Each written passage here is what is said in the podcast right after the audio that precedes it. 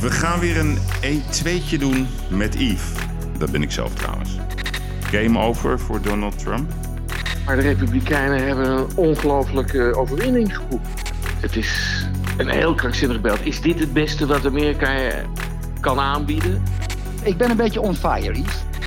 Vond je dat eigenlijk leuk? Nou ja, ja. Moet je nou een beetje een on- ongelofelijke klootzak zijn om op die lijst te komen, denk jij? Het is weer eh, vrijdag. Het is tijd voor eh, de wekelijkse podcastshow The Gigs. En we hebben heel veel te bespreken. Uiteraard gaan we het hebben over de Amerikaanse verkiezingen. Ik moet erbij zeggen dat op het moment van opnemen nog niet duidelijk is wie de winnaar is. Nou, we mogen er gevoeglijk van uitgaan dat dat Joe Biden zal worden. Ik ga de Amerikaanse verkiezingen bespreken met eh, Leon de Winter, auteur, bestseller-auteur, maar ook ongelofelijke kenner van het Amerikaanse systeem. Heeft zelf ook zeven jaar in Los Angeles gewoond. Volgt het op de voet en ik ben heel, heel benieuwd naar zijn eh, ja, kijk eh, op, op wat er allemaal aan de hand is in Amerika. Maakt hij zich ook zorgen over de toekomst van Amerika? Wat gaat er überhaupt gebeuren na de verkiezingen? Er komen straks weer verkiezingen aan. Dus ja, wat gaat er allemaal gebeuren in Amerika? En wat vindt hij eigenlijk van de claim die eh, Trump heeft neergelegd dat er gefraudeerd is? En daarna ga ik eh, bellen met Erik. Ik ga met Erik eh, de Quote 500 doornemen. De nieuwe lijst van de rijken. Staat hij er zelf weer in? Of komt hij er straks weer in? Hoe ging dat eigenlijk? Zijn val toen? En hoe komt hij nu weer terug als, als topondernemer? En daarnaast heb ik nog een hele waslijst van vragen die ik met Erik ga bespreken. Dus ik zou zeggen, lieve luisteraar, riem me vast vandaag. Het wordt een extra lange uitzending. En ik ga eerst bellen met Leon de Winter. Ja? Ja, Leon, Ja, Yves. goedemorgen. Ja, het is ochtend, hè, dus dat moeten wij voor de luisteraars even duidelijk maken. Ja. Omdat er elke minuut weer wat gebeurt hè, in de United States of America. Ja. Leon, game over voor Donald Trump? Eh, het is pas over wanneer het over is natuurlijk. Maar Ja, eh, het, ik, ik weet niet of het er zoveel toe doet, Yves. Hmm. Het is, het is eh, deze verkiezingen. Ik, de, de, de- we, ons, we focussen natuurlijk, eh, en, en niet zonder reden, op, op de race voor, voor het presidentschap. Maar de Republikeinen hebben een ongelofelijke overwinning geboekt. Overwinningen. Op elk gebied. En, eh, en, dat, en dat vergeten we. Eh, nou ja, ze hebben niet alleen stand gehouden in het Huis van Afgevaardigden, ze krijgen er zetels bij. Ze houden de Senaat. Ehm, en al die andere races, want het gaat om heel veel meer. Er wordt over, over heel veel meer gestemd. Eh, ze controleren nu de, de, de parlementen van de meeste staten. En dat betekent ook de, de, het vermogen om kiesdistricten samen te stellen, waar altijd een enorm gevecht over is. Eh, want dat zou nog wel eens beslissend kunnen zijn bij nieuwe verkiezingen. Wat precies de samenstelling is van zo'n kiesdistrict. En daar hebben ze ook de meerderheid. Dat hebben ze uitgebreid zelfs. Mhm. Eh, daarbij hebben de, eh, eh, eh, de minderheden eh, in, in grotere mate op Republikeinen gestemd dan ooit tevoren in de laatste 50, 60 jaar. Dus het is me nogal wat. Mhm, Want heb jij een Ehm. beetje zicht op, op, op zeg maar, hoe die verhoudingen liggen? Zeg maar, want in sommige Nederlandse mediakanalen wordt gezegd... ja, een witte, witte man of zo die op Trump stemt. Maar dat is Nee, toch totale we- onzin? Minder, minder witte, mannen hebben op hem gestemd en eh, veel meer eh, mannen eh of color, zoals dat heet. Ja, ja, ja, precies. Ehm, en ja, de, de, de, de, het karakter van de partij is veranderd. Het is een, het is een partij geworden niet meer van de, van de, van de betere middenklasse, de betere blanke middenklasse. Het is een hele diverse partij geworden. Mhm. Met eh, plaats voor minderheden en zeker ook voor eh, wat dan heet blue-collar workers. Dus het is. ehm, ze zijn van plaats verwisseld. De Democraten eh, vormen de partij van de, de liberale coastal elites. Mhm. En de Republikeinen zijn een volkspartij geworden. Ja, Ofwel, de erfenis van deze man is gigantisch. Daarbij ook nog eens eh, de, de Supreme Court samengesteld voor lange tijd. Kan niet veranderd worden de komende vier jaar. Doordat ze de meerderheid lijken te behouden bij de, in de Senaat. Mhm. Dus het is, het is, de, de, het is enorm wat hij tot, uh, tot stand heeft gebracht. Hmm. En, en, alle, en al, al die prognoses, uh, ja, die waren allemaal volkomen fake. Ja, nee, oké. Maar de- ja, over de enorme overwinning die Biden zou Over de enorme overwinningen en daar is, daar is natuurlijk niks van terechtgekomen. Hmm. Ja, nou ja, dit is eigenlijk de situatie. en, en, en wat kan, mocht Biden het worden, wat kan Biden zo meteen doen als hij de Senaat niet heeft? Nou, dat is lastig. En vergeet niet, over twee jaar zijn er opnieuw verkiezingen, tussentijdse verkiezingen. Ja, ja. En waar de Democraten te dood voor zijn, dat ze, dat ze dan veel meer nog. Dat ze echt serieus moeten gaan toegeven in de Senaat en in, eh, in het Huis van Afgevaardigden. Hmm. Dus het is, het is geen. Het is een, het is een, eh, het, het is een heel divers beeld. Veel diverser dan, eh, dan alleen het beeld. Oh, wat is dit een spannende race. En oh, gaat, gaat Trump verliezen. Maar ook, maar ook dat is iets natuurlijk wat haak staat op alle verwachtingen. Hij wordt weggevaagd en hij heeft alles, alle geloofwaardigheid kwijt. En hij, maar dat blijkt helemaal niet zo te zijn. Het is een gevecht om elke stem. Hmm. Ja, dat is echt bizar. Want zijn dit de, de spannendste verkiezingen sinds de Tweede Wereldoorlog? En ook eigenlijk de meest bizarre verkiezingen? Nou ja, er zijn er meer geweest. Ik las net nog wat over, over eh, Kennedy en Nixon, waar ook eh, behoorlijk wat gerommeld is. En eh, Nixon heeft dat toen laten lopen. Ehm, en, en dat kan ook niet anders in dat hele grote land. Eh, met, met al die ingewikkelde eh, systemen. Ze hebben allemaal hun eigen modellen, hun eigen wetgeving per staat. Het is allemaal anders geregeld. Hmm. Ehm, en ja, en- kijk, dit is het meest extreem. De, het meest extreme beeld. eh, een man die door de helft van de bevolking echt wordt gehaat, volop wordt gehaat. En een andere man, ja, die, waarvan je niet weet nog wie die is. Die zo nu en dan er helemaal naast zit qua, qua denken. Onze vriend Joe. Hmm. Ehm, het, het, het, is, het is een heel krankzinnig beeld. Is dit het beste wat Amerika eh, kan aanbieden? Wat de Amerikaanse bevolking aan, aan leiders heeft? Ja. Dat, dat is op zich natuurlijk een krankzinnig beeld. Hmm. En hoe kijk jij zeg maar naar, naar... Hij heeft nu tot twee keer toe, misschien nog wel meerdere keren gezegd... de verkiezingen worden gestolen door de democraten. En dat zei hij eigenlijk al eh, de eerste keer toen hij ruim voor stond. Toen maakte hij al die, zeg maar, die, die weg naar voren. Hoe, Ja. hoe, hoe zie jij dat? Hoe kijk jij daarnaar? Naar die, zeg maar, die, die fraude die door hem wordt benoemd... en niet heel stevig wordt onderbouwd. Ja, het is. Ja, nou ja als je. Als je het- het- dat onderbouwen dat heeft, hangt ook altijd eh, samen met wel, welke website je leest. En welk platform je volgt. Eh, of je daarvoor bewijzen ziet. Het, het is natuurlijk wel heel gek dat in die staten waar het om gaat. dat het allemaal zo krankzinnig lang duurt. Eh, eh, Florida en Texas kunnen in, in no time gaan tellen. En, en waarom duurt het daar zo lang? Wat, wat, wat, waarom zou je dat uitsmeren? Waarom zou je ook, en dat was natuurlijk het opzienbarende fenomeen dinsdagnacht, dat op een aantal cruciale plekken het tellen van de stemmen werd gestaakt. Wat nooit voorkomt. Waar was dat? In Pennsylvania, begrepen? ik? Dat was in Pennsylvania en eh, ik meen ook in North Carolina, waar ze trouwens het, het tellen pas op 12 november voortzetten. Ja, probeer het allemaal maar te begrijpen. Het lukt me niet. Hmm.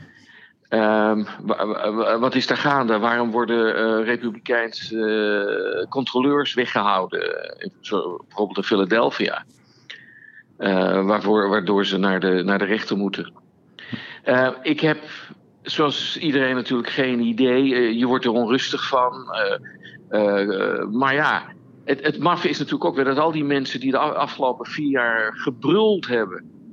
Dat, eh, dat er een verschrikkelijke samenzwering eh, gaande was tussen, tussen Trump en Poetin. beweren nu dat dit allemaal uit den boze is. Dat er helemaal geen enkele fraude is.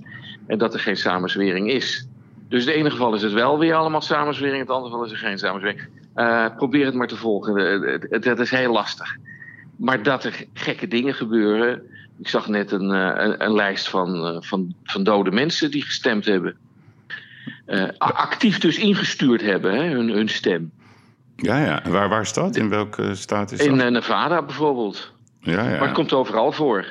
Dus daar heeft iemand iets in zitten invullen en het vervolgens verstuurd. Hmm. Er zijn staten waarbij je je eigen stem kunt controleren, omdat het elektronisch geregistreerd is, zo'n stem. En ook dan lees je weer van mensen van, maar hé, hey, ehm, dat, is, dat is incorrect. iemand heeft voor mij gestemd. Of dat klopt niet, want ik heb er überhaupt niet gestemd. Ja, ja. Deze, deze dingen komen voor. Hoe massaal, ik heb geen idee. Maar ze komen voor. er is net een klacht ingediend in Nevada. Over, waar in ieder geval met, met 3000 aantoonbare valse stemmen van, van niet-burgers die toch gestemd hebben. Er zijn heel veel staten waar je geen, geen ID nodig hebt om te gaan stemmen, Yves. Ja, dus je kunt er gewoon naartoe gaan. Je zegt, je zegt, Want hoe, je leg eens even uit hoe dat in, werkt. In 15, in 15 staten. Nou, dan kun je gewoon naar, de, naar, het, uh, naar het stembureau gaan. En dan zeg je: Ik ben uh, Pietje Puk uit de Sinterklaasstraat. Oh ja, hier gaat u gang. Uh, je, hoeft niks te je hoeft niet te aan te tonen wie je bent. Hmm. In, ik bedoel, het is zo'n schril contrast tot, tot, tot ons systeem waarin, de, de, de hele keten van, van, van stappen die gezet moeten worden om, om een goed beeld te krijgen van de wil van het volk uh, tot in detail is uitgedacht. En daar in, Los Angeles ook niet. Je kunt daar gewoon naar de, naar de stembus en, en gaan stemmen. Je hebt geen ID nodig. Dus iedereen kan gaan stemmen in principe. Dus, uh, het, is, het, is een het is een bizar, een bizarre lappendeken van systemen. Dat is toch ook weer niet in elke staat het geval. Het is van staat tot staat anders geregeld. Ja, en dat moet natuurlijk allemaal heel anders uh, worden georganiseerd. Dit kan zo niet langer. Ik bedoel, dit is, het lijkt wel een derde wereldland. Ja. Met, met, met, met deze belachelijke gaten in het, uh, in het stemsysteem. Ja, want bijvoorbeeld de, de woordvoerder van uh, uh, Pennsylvania, die vrouw, daar, daar, is van bekend dat ze vier jaar geleden helemaal losging op Twitter over Donald Trump. Een soort haatcampagne zelfs. Ja. Nou, die is dan nu daar de onafhankelijke woordvoerder die daar alles moet controleren en leiden. En ze Ja. zegt, ja, weet je, dat was toen, dat was gewoon een persoonlijke mening. En nu, eh, met mijn hand op mijn hart, zweer ik dat ik alle rechten van de Amerikaanse staat met eh, hart en ziel zal verdedigen. Ja, dan ga je toch twijfelen. Maar ja, de, de, de Republikeinen moesten naar de rechter om, eh, om te forceren dat hun eigen waarnemers eh, bij het tellen mochten zijn. Er zijn andere staten waar het perfect geregeld is, daar- waarbij eh, bij het tellen altijd een democraat en een republikein aanwezig is, die zelf, zelf, zelf ook meetellen en toezien. Ja, ja. En in, in, in, met zulke scherpe tegenstellingen heb je dat ook nodig. Hmm. Je kunt daar geen risico's nemen. Eh, ik zag beelden ook van, van, van een tel. Ik, ik meen dat het ook Philadelphia was. eh, waar, eh, waar ze de ramen aan het, aan, het, aan het dichtmaken waren. Omdat ze niet wilden dat er gekeken werd naar het tellen. Zover ging het. En, en, en hoe verklaar je bijvoorbeeld, want Georgia is op, opeens heel belangrijk geworden. Ik bedoel, dat is toch echt een Republican state. Dat is volgens mij, Ja. ik kan me niet herinneren wanneer daar de Democraten gewonnen hebben. Hoe, hoe verklaar je dat, dat daar de, de race eh, zo, zo, zo ongelooflijk nauw is? Het gaat om honderden stemmen. Ja, ik heb geen idee. Nee. Wie kan het wel, wie kan het wel verklaren? Er is ook een opmerkelijk verschil in het stemgedrag eh, van, eh, van mensen ten opzichte van eh, republikeinse kandidaten en hun stem ten aanzien van Trump. Wat bedoel je daarmee? Eh, er, zijn, er zijn dus heel veel mensen die, die heel strak republikeins gestemd hebben, hun, hun, hun senator gekozen hebben, hun staatssenator. Want er zijn twee soorten senatoren natuurlijk voor, voor, voor in Washington, maar ook in elke staat zijn er, niet in elke staat, maar bijna elke staat. Die heeft dan ook weer senatoren van de eigen staat voor het eigen parlement, die dan strak republikeins stemmen en dan die ene stem voor Trump. Die is er dan niet. Die, is, die, die gaat dan naar Biden. En dat, dat zijn ook hele gekke verschijnselen. Ehm, en de- dus wel heel positief tegenover de, de, de Republikeinse lijn staan, maar dan niet op Trump stemmen.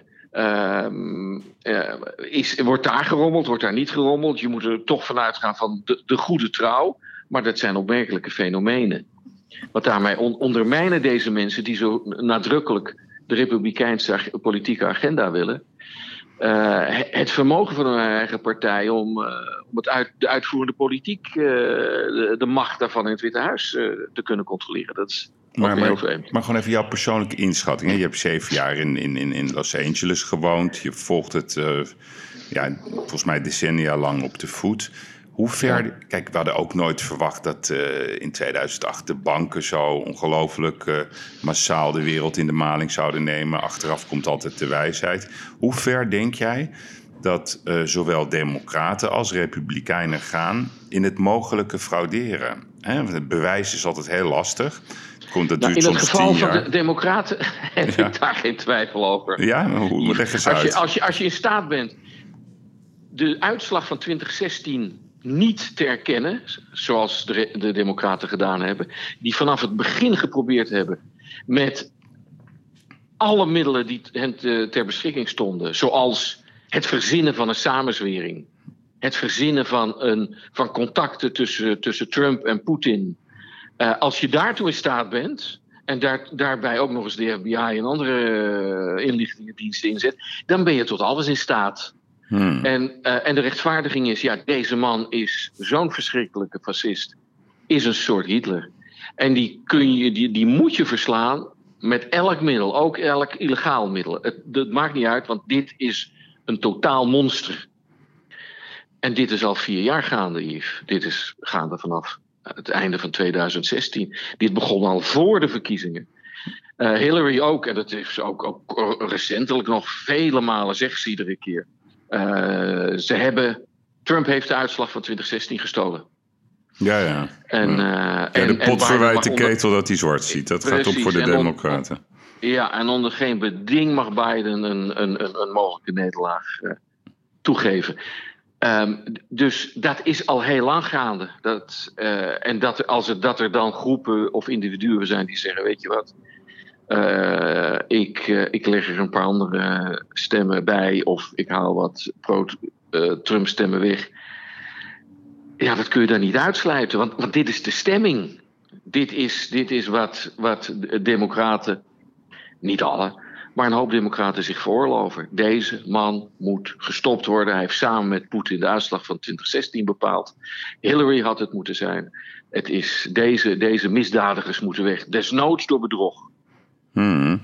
En als je gewoon kijkt naar Amerika gewoon eh, als land. Hè, eh, ik bedoel, ze hebben, ze hebben ons besmet met, eh, met de bankencrisis in 2008. Ze hebben de wereld in het Midden-Oosten in de fik gestoken. Eh, onder Bush, toch? Ja, je kan daar van alles van vinden. Eh, de grote techbedrijven, ja, wat, brengen, wat brengen ze ons eigenlijk? Twitter brengt ons een soort riolering. Facebook heeft zo'n beetje het hele Europese medialandschap kapot gemaakt. Uber heeft alle eh, taxibedrijven naar de kloten geholpen. Nou, dan hebben we nog eh, de Instagram die onze jeugdmensen mensen gewoon eigenlijk gestoord maakt... doordat ze alleen maar naar hun telefoontje kijken. Ja, wat brengen de Amerikanen eigenlijk überhaupt aan ons? Waarom zijn we zo gehecht aan, aan, aan, aan Amerika, vraag ik mezelf af tijdens de verkiezingen. Nou, eh, dat is al. Het gaat toch wel om, om ideeën, om concepten over vrijheid, over, over de, de rechten van het individu.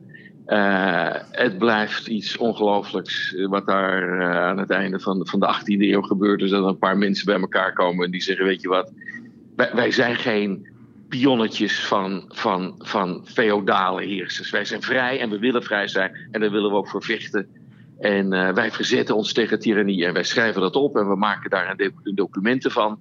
Dat is nou, die revolutie, die, die enorme filosofisch-culturele revolutie. Over we gaan het heel anders doen in dit land. En dat is nooit perfect het is nooit af. Eh, en eh, we kunnen het altijd verbeteren. Maar op die manier een samenleving willen organiseren. Ja, dat, dat blijft indrukwekkend.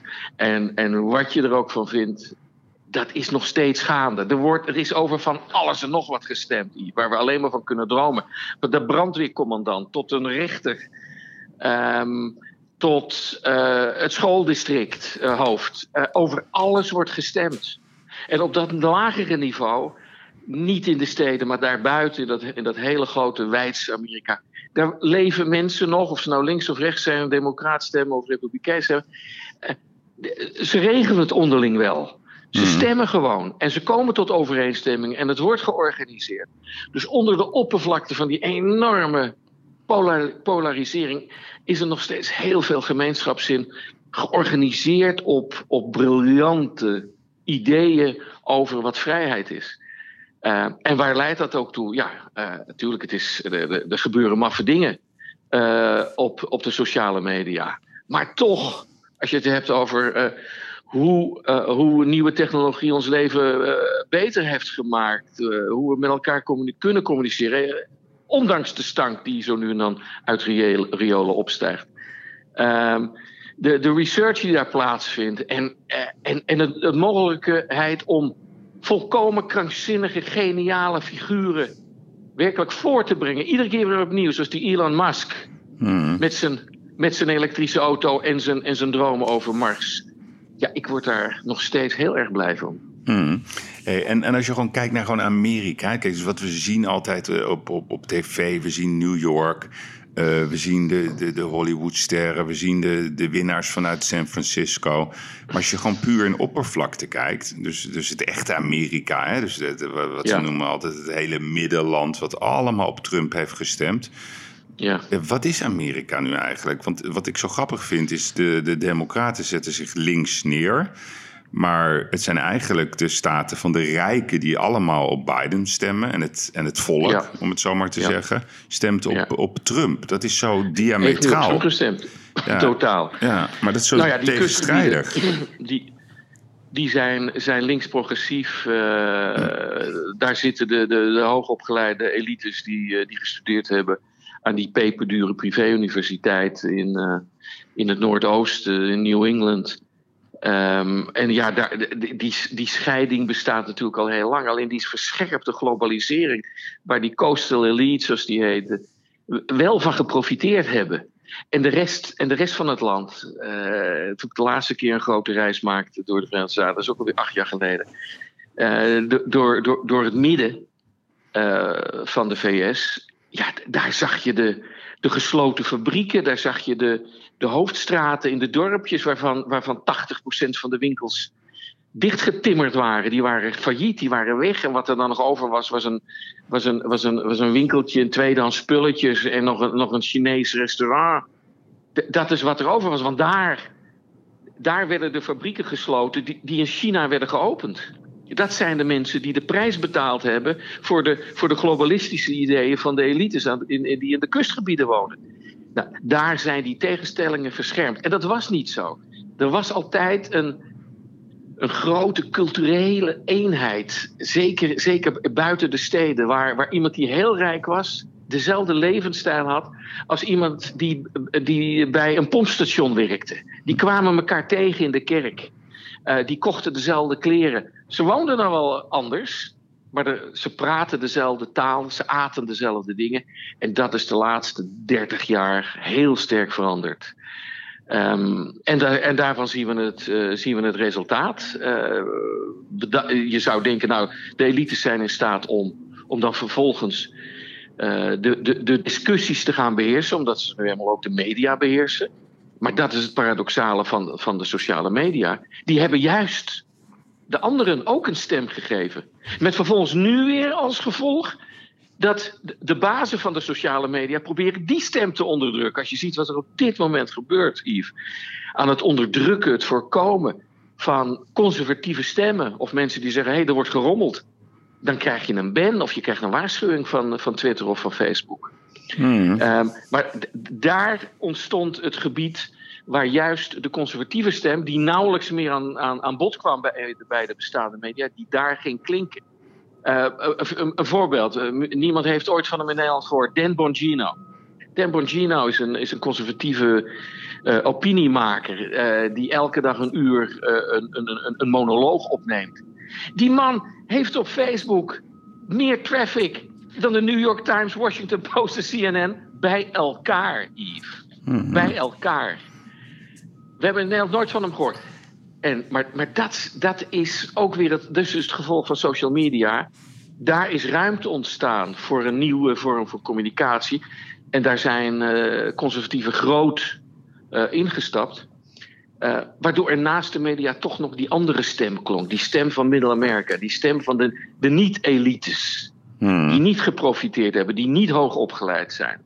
Maar toch ook willen meepraten. Eh, een ander voorbeeld was, wanneer was dat? Maandag of dinsdag op, op, eh, in het discussieprogramma op 1. Daar zat het, het Nederlandse model Frederike van der Wal. Ja, Heb je dat toevallig gezien? nee. Nou ja, die was helemaal van de kaart. Die had in New York, haar New York op Manhattan, haar Manhattan, had ze een optocht van trucks gezien met Amerikaanse vlaggen, Trump-aanhangers. En ze was kapot, ze voelde zich zo bedreigd, want normaal blijven die mensen weg van Manhattan. En nu waren ze er. En ze wist van gekkigheid niet hoe ze, waar ze het moest zoeken. Ze was, zo, was helemaal in paniek.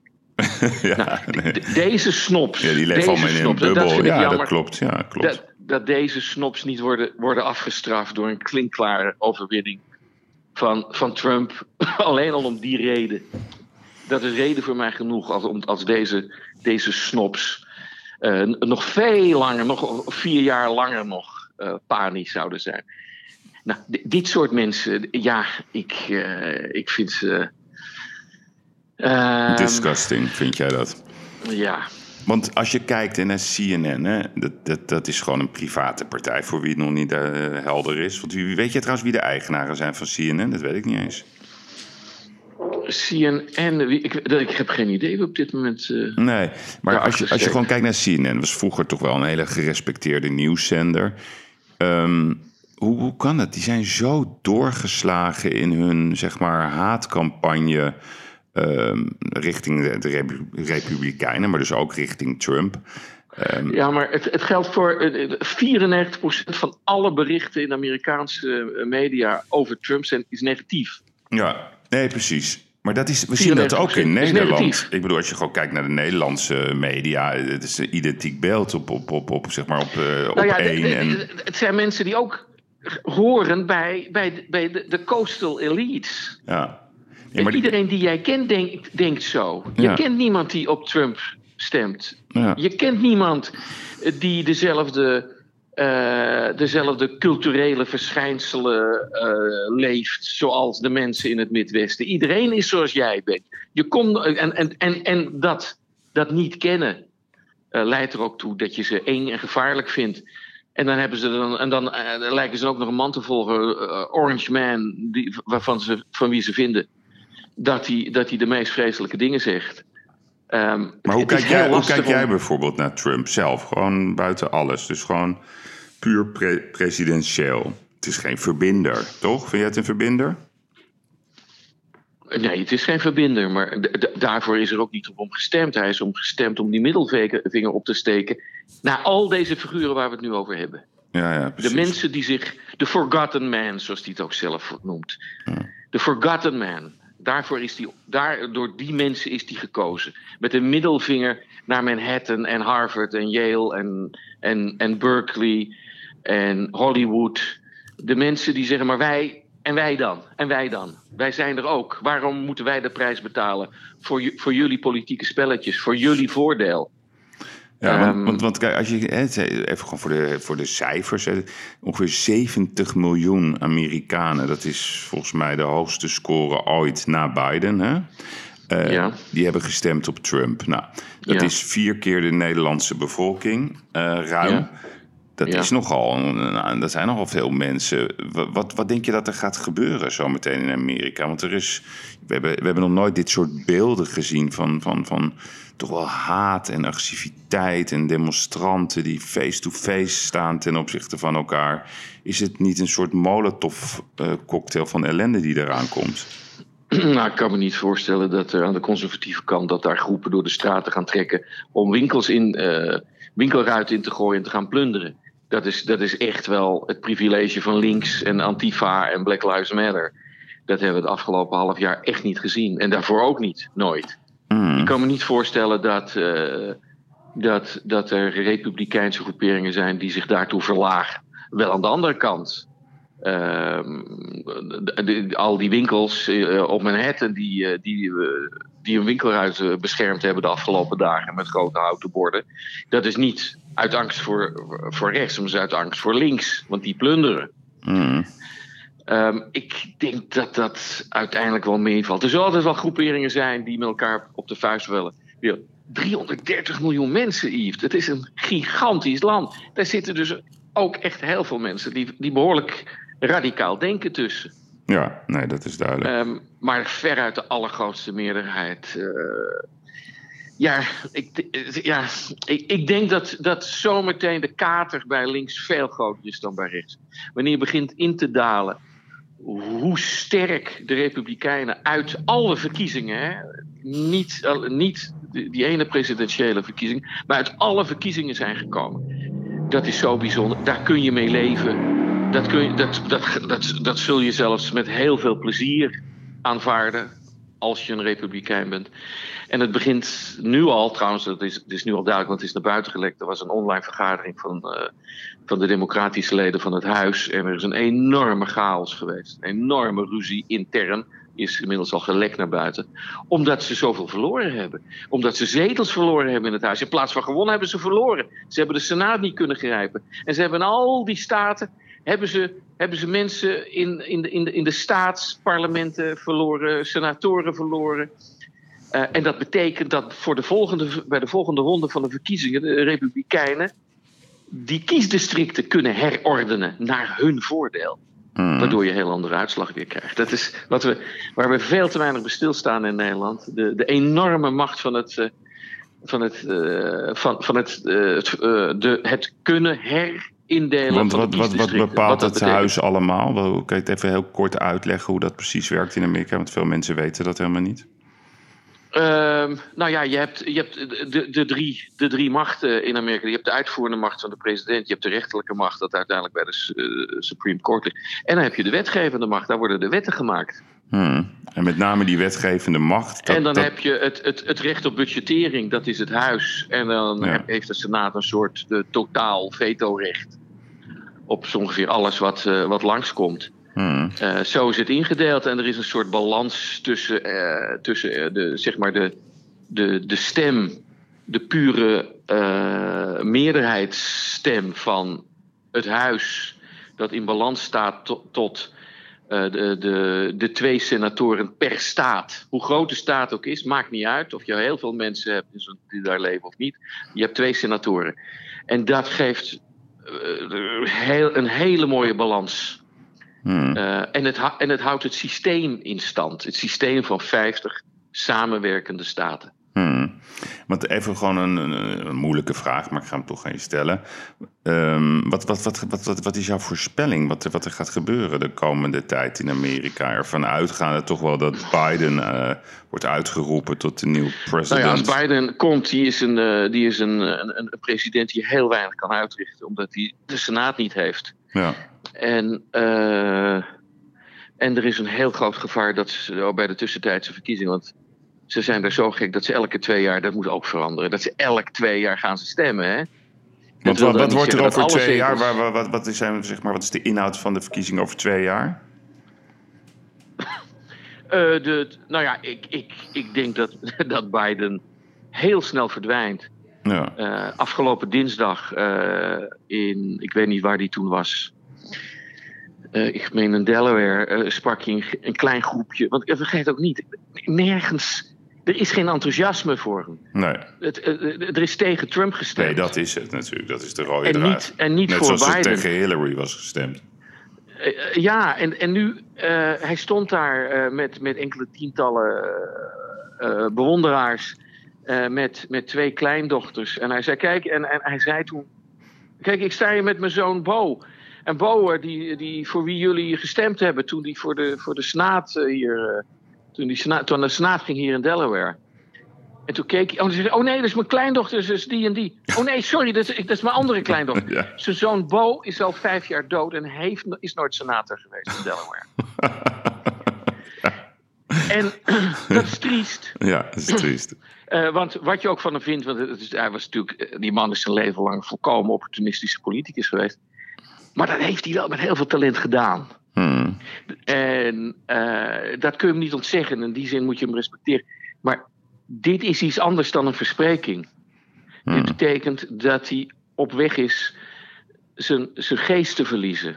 Ja, maar dat Hij zie je al niet- als je alleen al ziet meer- hoe die... Ik zag hem weglopen met zijn vrouw tijdens een van die speeches de afgelopen dagen. Nou ja, dat, dat, daar zit geen loop meer in, joh. Dus zij moesten hem zelfs vasthouden. Ja, dat, Ja, dat kan je toch bijna niet bedenken. Dat, Maar, dat- maar denken dat je naast, en dat was zijn favoriete zoon, Bo. Dat Mhm. was ook een talentvolle jongen. Sorry. Dat, dat, het is tragisch dat hij denkt dat Bo bij hem is. Mm, Dus heel aangrijpend. Maar Bo is er niet. En Bo was ook nooit senator. Er, er was daar iets. En deze man heeft het recht een eh, atoombommen te laten vallen. ja, Ik weet niet of dat verstandig is. daar waren ze ook zo Dus- bang voor, hè? Dat, dat Trump op de red button zou drukken. Ja, ja. Die man was- heeft- is wat dat betreft de meest, de meest rustige eh, president van de afgelopen tientallen jaren geweest. Qua gedrag, hè? Misschien niet qua, qua, qua uitstraling. Dat is Nee, denk ik het het, het, verschil. is, het is ook een stijlkwestie. Ja, het is en een stijlkwestie. Ja, het is een bully. En dat is ook een- ja, ja, ja, Ook een groot verschil tussen, tussen, tussen het midden en de kustgebieden. ja, klopt. En ehm, ja, hij gedroeg zich niet als een, als een, een, een, een, een verfijnde, eh, als een verfijnde connoisseur van, eh, van de, de moderne, de postmoderne keuken. Nee, hij, heeft, hij drinkt elke dag kook en eh, eet hamburgers. Ja, dat, dat doe je niet. En dan, je praat ook niet zo. Je hebt ook niet een vrouw die zich zo kleedt. Hmm. Ehm, je, hebt, eh, je richt je huis op een heel andere manier in dan die Trump. Ja, Dus een, stijl heeft er altijd eh ja niet, zeg maar niet Maar ik, presidentieel. ik denk dat ja. Biden heel snel, heel snel weg is. ja, en dan dat wordt het. Kamala Harris, die gaat hem dan... eh, En, dan, he- en dan krijgen we een president eh, op wie niemand gestemd heeft. hmm. eh, en die eh, niets anders is dan de uitvoerder van de derde termijn van eh, Barack Obama. Ja, ja, ja. En dan krijgen we over vier jaar weer nieuwe verkiezingen. En dan zal waarschijnlijk. Denk je dat, En- denk je dat Trump. eh, wat is jouw gevoel? Denk je dat als hij verliest. zich wel eh, weer verkiesbaar gaat stellen in een nieuwe Ja, election? ik denk het wel. Ja? Die is niet weg. Die heeft die partij totaal geher, eh, geher- gereorganiseerd. die krijg je niet weg. heeft, heeft er een heel andere partij van gemaakt. En eh, ja, dat is de toekomst van de Republikeinse Partij. Een, heel, een hele diverse volkspartij. Ja, En, dat, en de Democraten zijn dat verloren. Die zullen gaan nadenken. Maar als zometeen, want, want Biden redt dit niet. Als, eh, als Kamala Harris naar voren treedt. Ja, daarvoor gaan ze over twee jaar bij de tussentijdse verkiezing. een hele grote prijs betalen. Is een andere voorspelling van me. Ik denk dat ze dan eh, heel erg krimpen, ook in het Huis van Afgevaardigden. Ja, en dan is Kamala totaal lam. Want die heeft niet het Senaat, heeft niet het Huis. Heeft een, een minderheid als, eh, in, in, bij de eh, Supreme Court.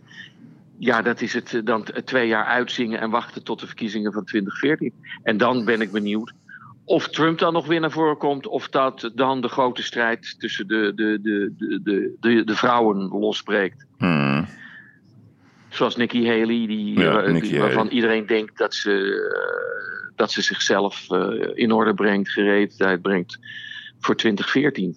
24, 2024. Eh 24, sorry. Ja. Hey, en dan even tenslotte ehm Steve Bannon. eh, die een soort, eh, de oude campagnestratege van, van Ja. Donald Trump. Die, die, die zegt, hij heeft een soort oor- oorlog. Er moet oorlog gevoerd worden. Hoe heb je daar naar Ja. gekeken? Is ook verwijderd van Twitter ook inmiddels. Een, in- een intrigerende man. Ik vind het ook fascinerend om dat te volgen. Eh nou ja, die, eh, eh, Bannon beweert dat er. dat, dat de Republikeinen moeten opstaan. Dat ze in elk district een, een juridische oorlog moeten gaan voeren. En dat er nog steeds veel ruimte is voor Trump om te winnen. Ja, Eh, dat is wat, eh, wat, wat Bannon die wordt. oh, en ook Bannon wordt natuurlijk enorm gefilterd, gecensureerd door de, door, door de nieuwe censuur bij de social media. ja, En dat is een heel gevaarlijk aspect, hè, dit. ja. dat censureren Nee, dat bij klopt. die social media. Nee, maar dat geldt ook voor het weg, weg, wegzeppen van de president. Ik bedoel, dat vind ik, dat moet je gewoon bespreken of je het nou wel of niet met hem eens bent. Je kan dat niet wegzeppen. Dan zeg je eigenlijk, wij zijn de basismedia. Dat is natuurlijk een ongelofelijke gevaarlijke ontwikkeling. Ja, ja, en dat zal zo niet doorgaan. Kijk, en dat is, dat is wel een ellende, dat, dat daar niks aan veranderd wordt. Eh, want, want de positie van die social media moeten dus moeten veranderd worden. Dat zijn geen open markten meer. Nee, Dat zijn, dat, ze worden, dat zijn uitgeverijen geworden met een uitgeefbeleid. Want bepaalde stemmen worden onderdrukt, andere stemmen niet. ja. En dat, eh, dus, dus hebben ze een andere functie en dan kunnen ze eh, dan, hoeven ze, dan mogen ze ook niet meer beschermd worden door, door de wetten die gelden voor die open markten. Hmm. Waar iedereen wat mag zeggen. Want het is niet aan hun om te filteren en te censureren. En toch doen ze het. Ja, het is Ik eigenlijk. dat, is zorgwekkend. Ja, Leon, het is eigenlijk. Ik denk dat ik, ik. Je nieuwe boek komt eraan. Want ik bedoel, John Grisham. Dit is de mooist denkbare thriller die John Grisham zou kunnen bedenken. Alleen het is dit keer eh, geen fictie, het is gewoon reality. Dus ik zou zeggen, Leon, ga lekker een, een boek schrijven. eh, Bedenk iets. Dit is natuurlijk de heerlijk, heerlijk materiaal.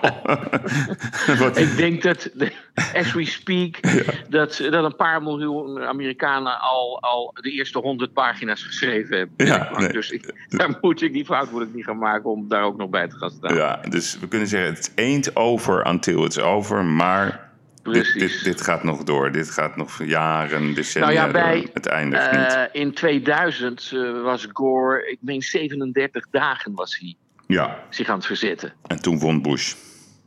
En toen eh, kwam er een uitspraak van de Supreme Court.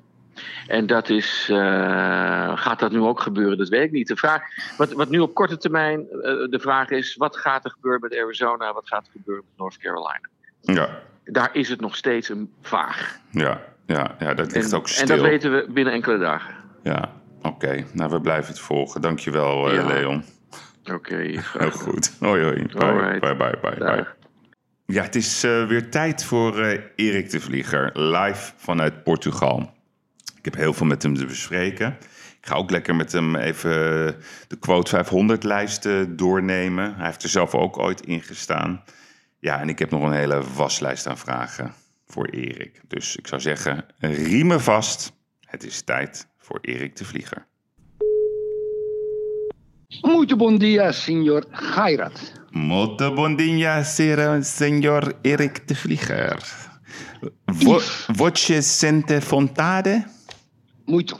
Muito. moeite er. Muito. Moeite, moeite, moeite, moeite, moeite. Met andere woorden, heb je er zin in? Heb je er zin in? Ja, maar Yves, Ja? ik heb toch erg veel te melden. Ja, maar het eerste wat ik je toch even wil delen met jou en de luisteraars... Mm. dat ik me voel alsof ik een, een eh, geldbedrag op, in het casino op het juiste nummer heb gezet en het valt. Ik Oh. heb zo'n mazzel gehad. Ja. Namelijk op dinsdag werd het bekend dat mijn secretaresse positief is getest op corona.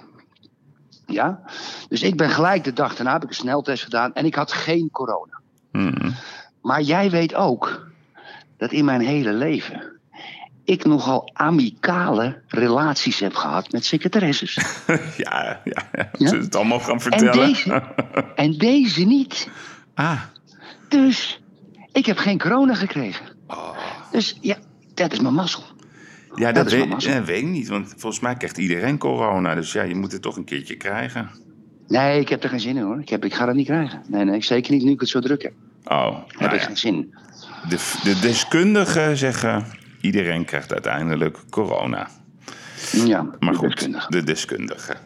Ik heb ook een paar onderwerpen, maar jij called the shot zeker. Nou, jij mag, eh, je mag van mij beginnen. Ik ben in een goede stemming. Wat wil je het eerst op de agenda zetten? Even, ik wil de noodwet op de agenda zetten. En vooral artikel 13 wat in de noodwet staat. Wat Rutte en consorten wil eh, introduceren in Nederland. Dat is heel Hmm. belangrijk. Hm. En ik wil een, een bericht dat Ollongren overweegt dat we ook schriftelijk kunnen stemmen. Dat zijn voor, voor mij twee belangrijke onderwerpen die ik graag met je wil behandelen. En de luisteraar. Yes. Nou, daar wil ik wel mee beginnen met dat schriftelijk stemmen. Want daar gaat het zo'n beetje de hele week al. Weet je trouwens, Erik, zou ik je wat vertellen? Wat ik heerlijk vind? Het gaat een week lang niet over corona. Dus, Ja. dus het gaat Ja. over de Amerikaanse verkiezingen. Eén weekje geen corona-gedoe. Heerlijk. Heerlijk, heerlijk, heerlijk. Ja, maar ik ben ook wel weer klaar met die Amerikaanse verkiezingen hoor. Zo. Ik heb net, eh, ik heb net met Leon eh, een half uur eh, ruim aan de lijn gezeten. Ja. Hij kijkt er heel anders naar, joh, Erik. Hij zegt, eh, joh, Trump heeft natuurlijk bijna alles gewonnen wat je maar kan bedenken. Want als er geen eh, corona was geweest, had hij gewonnen. Ze dachten Ja. allemaal dat hij zou worden weggevaagd. 70 Ja. miljoen Amerikanen hebben op hem gestemd. Ze hebben de macht eh, in de Senaat gegrepen. Ze hebben eigenlijk, de democraten kunnen helemaal niks straks. Helemaal niks. Dus ja, Ja, ja, dat maakt ze niks uit. Dus dat Trump maar weg is, Yves. ja, Dat is het enige wat ja, het is dat- niet de stem voor Biden, het is een stem anti-Trump geweest. Stem anti-Trump. Maar even, eerst even over dat schriftelijk stemmen van, eh van Ollongren. Kijk, als dat gebeurt, dan gaat een partij zoals Denk, gaat ervoor zorgen dat iedereen die niet stemt, al die mensen die thuis zitten, die niet helemaal in de Nederlandse maatschappij performen, ja, gaan ze allemaal huis aan huis, deur aan deur om op hun te stemmen. Dat zijn zeker een miljoen stemmen. Vervolgens komen er steeds meer genaturaliseerde asielzoekers binnen. Die worden ook gerecruiteerd. Du moment dat Nederland schriftelijk gaat stemmen, wordt een partij zoals Denk of NIDA de grootste of de ene grootste partij. Hmm. Du moment dat Ollongren haar zin krijgt, dat we schriftelijk gaan stemmen, raad ik al je luisteraars aan om Nederland direct te verlaten. Oké, waarvan acte? Dan is, dan is het over. Hmm. Als een partij zoals Denk of NIDA de grootste of de ene grootste partij wordt, dan is het over, Yves. Hmm. Nou, ik denk Over. dat dat wel mee zal vallen. Heb je nog die Nee, discussie? Yves. ja, nee, ik- ja. Weet je, dat- nou, die discussie heb ik dus met Joop van der Ende ook gehad, Ja. live bij Paul Witteman. Ja? Ik zei alleen maar tegen Joop, ik zei dit zoiets, hè? Hmm. Ja? Wat als Wilders of wie dan ook gelijk heeft? Wat als? Ik zeg niet dat het zo is. Ik hoef niet op hem te stemmen. Maar jij bent een zakenman. Jij gaat een transactie in. En je gaat die transactie in, of belangrijke privébeslissing. En dan kijk je achter je, wat is mijn rugdekking? Wat is mijn risico? Ja? En het weegt je af. "Hmm, dat is een klein risico. Die odds vind ik goed. Dat is gewoon een afweging die je maakt. Nou, dat doe ik dus ook. Ik zeg niet dat het zo is. Ik zeg alleen dat de kans groot is dat het gaat gebeuren. En daarom wil ik je luisteraars echt adviseren. Du moment dat we schriftelijk gaan stemmen, is het over en uit met Nederland. Oké, oké, heftig, goed. heftig. Maar ik, nou ja, Ja. Wat, wat, even daarin in de lijn daarvan. Heb je gisteren, nee, jij hebt dat niet gezien, dat weet ik Ik toevallig. was te druk, ik heb een Ja. transactie gedaan. Ja, daar wil ik het zo even over hebben. Maar Ja. er was een discussie ehm, met eh Arie Slop en een imam over de vrijheid van meningsuiting. Was het niet Gert-Jan Segers? Of Gertje, ja, nee. Ja, wel, was Segers, sorry. Ja, Heel goed, Segers. goed gecorrigeerd. Dankjewel. Ja, Ehm, en dat werd geleid door Kelder en die dame. Vind ik een leuke Ja. dame trouwens. Ik weet even niet hoe- Zeker. hoe heet ze? Fiedemond of zo? Ja, nou, Ja. maar ze, ik vind haar prima. Ja, en die imam, zeg maar een gematigde imam, dat, die kan maar niet zeggen uit zichzelf van, ja, ik veroordeel iedere vorm van geweld van jongens die eh, leraren bedreigen. Hij blijft maar eromheen draaien dat, dat hij elke vorm van geweld, eh, zeg maar, eh, veroordeelt. Dat, is, dat vind ik zo'n fascinerende discussie, dat, dat er gewoon geen Oh, oh, enkele oh, oh, bereidheid is, Erik, en me daarmee even uitspreken. Er is geen enkele bereidheid om gewoon hard te oordelen over wat dan misschien zijn achterban is. Dan komen we er dus nooit ergens. Daardoor blijven we tegenover elkaar staan. Dat, dat, Ja, maar dat, Yves, is, ja, dat, is, ja, maar dat is echt, dat is het ergste. Ja, maar, dat, ja, maar Yves, maar dat is toch al, dat is al 30 jaar zo. Ja, klopt. Kijk, wij weigeren te accepteren dat zo'n imam dat geweld wel goedkeurt. ja. Die, die, die, die keurt publiekelijk niet af. Zo'n imam dan, hè, want laten we over andere moslims. Ahmed Marcouch doet dat wel. Hè, Ja, de burgemeester ja. Arnhem, Die is Klopt. heel stellig. Ja. Ja. Abu Taleb is heel stellig, dat Heel moeten we niet doen hier. Nee. Maar zo'n imam, die, die keurt het in zijn hart goed Ja. dat die leraar zijn hoofd is afgesneden. En dat is geen stelling, dat is een definitie. En zo'n Gert-Jan Segers, die kan dan wel heel zalvend proberen met zijn Bijbel in de handen. Om dat een beetje zo in een hele beschaafde discussie, ja. Probeer die man iets te ontlokken wat hij niet doet. Maar Gert-Jan Segers weet ook dat die imam het prima vindt dat iemand zijn hoofd wordt afgesneden. Dat vindt die man prima. En dat moeten we nou eens durven te zeggen. Ja, nee, dat, Ja, dat, dat dat, roept, ja, maar dat roept iemand al volgens mij al 15 jaar, maar die, die, die leeft in bunkers. Ja, Ja, dat vinden we Ja. ook normaal. Ja. Ja, dat vinden we ook normaal. Ja, Ja. En, en dan zien we, en dan, en dan, en dan zien we, dan is zo'n leraar in Rotterdam, die moest onderduiken omdat hij bedreigd werd door leerlingen. Ja. Ja. En dan gaan al die politici, de Rob Jetten, de Jesse Klaver, de Gert-Jan Segers, noem al die kwijlenbabbels maar op, die gaan zich daar een afschuw over afspreken. Terwijl ze bijna nooit iets zeggen over die tientallen bedreigingen die Wilders zelfs op social media plaatst. Like, collega, wat is dat vervelend. Nee, daar zeggen ze niks over. En dan gaan ze wel allemaal politiek correct aan een achter elkaar lopen. Die Jetten, die Klaver. En met al die standaardwoorden van die PR-afdelingen van die partijen. Dan gaan ze dat op Twitter gooien.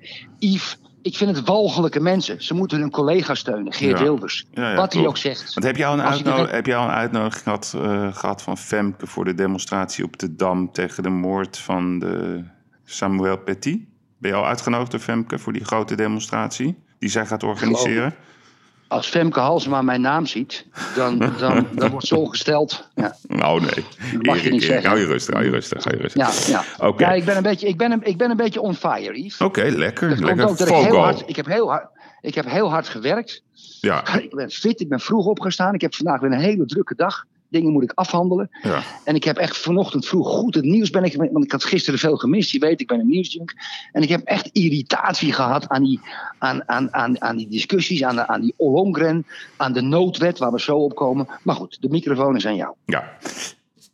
Weet je waar ik zin in heb? We gaan even luisteren naar onze vriendin. En ik noem haar vanaf nu Barbara Blaatsmaar. We, gaan even, we gaan even luisteren. Ja, BB, ja. Barbara BB. Blaatsmaar, het fragment bij Op1. Geweldig dit. we luisteren. En wat blijkt nou? Die Trump-stemmer is echt niet geïnteresseerd in economie, die is geïnteresseerd in identiteit. Die blijken vooral voor eh, Trump te hebben gestemd toen en mogelijk ook nu, dat weten we niet. Maar dat zijn witte mannen die, zoals dat heet, fysiek niet zo actief zijn. Dat kan je tegenover zeg maar, de yoga-stem zetten. En de Clinton-stemmers eh, zijn vooral die stemmers die gevoelig waren voor tweedeling, economische armoedepercentages, toename van werkloosheid, de banen in de maakindustrie. En ook nu, als we hebben de, de. Nou, er zijn niet echt verkiezingsprogramma's in de Verenigde Staten, dus je moet bij elkaar halen wat men aan uitspraken doet. Maar als je die vergelijkt en doorrekent, dan zie je ook dat Biden inzet op economie, op meer economische groei, Nee, maar Erik, ik vind het zo goed dat je dit hebt ingebracht. Zij zegt gewoon, ja, die Trump-stemmer die is helemaal niet geïnteresseerd in de economie. Nou, dat is gewoon een hele simpele poll van CNN. Dus CNN, hè, weet je, het anti-Trump-kanaal. Waar meer dan 60% van de Trump-stemmers aangegeven he- heeft waarom ze op Trump stemmen. En wat staat op één? De economie.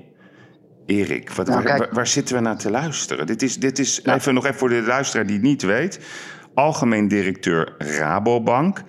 En het is ook nog eens de persoon die zo'n beetje bij elk bestuur in Amsterdam het zegje heeft.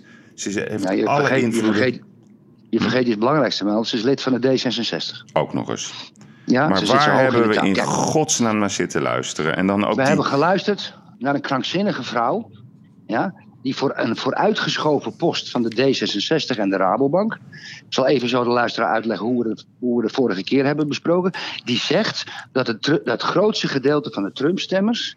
dikke vette mannen zijn. Dikke Hmm. vette witte mannen zijn. Ja. Dikke vette witte Ja. mannen zijn. Obese dat mag ze in een praatprogramma. Ja. Dit is M. Bij die Margriet van der Linden zeggen. Niemand die haar corrigeert. Maar goed, we hebben het over praatprogramma's gehad.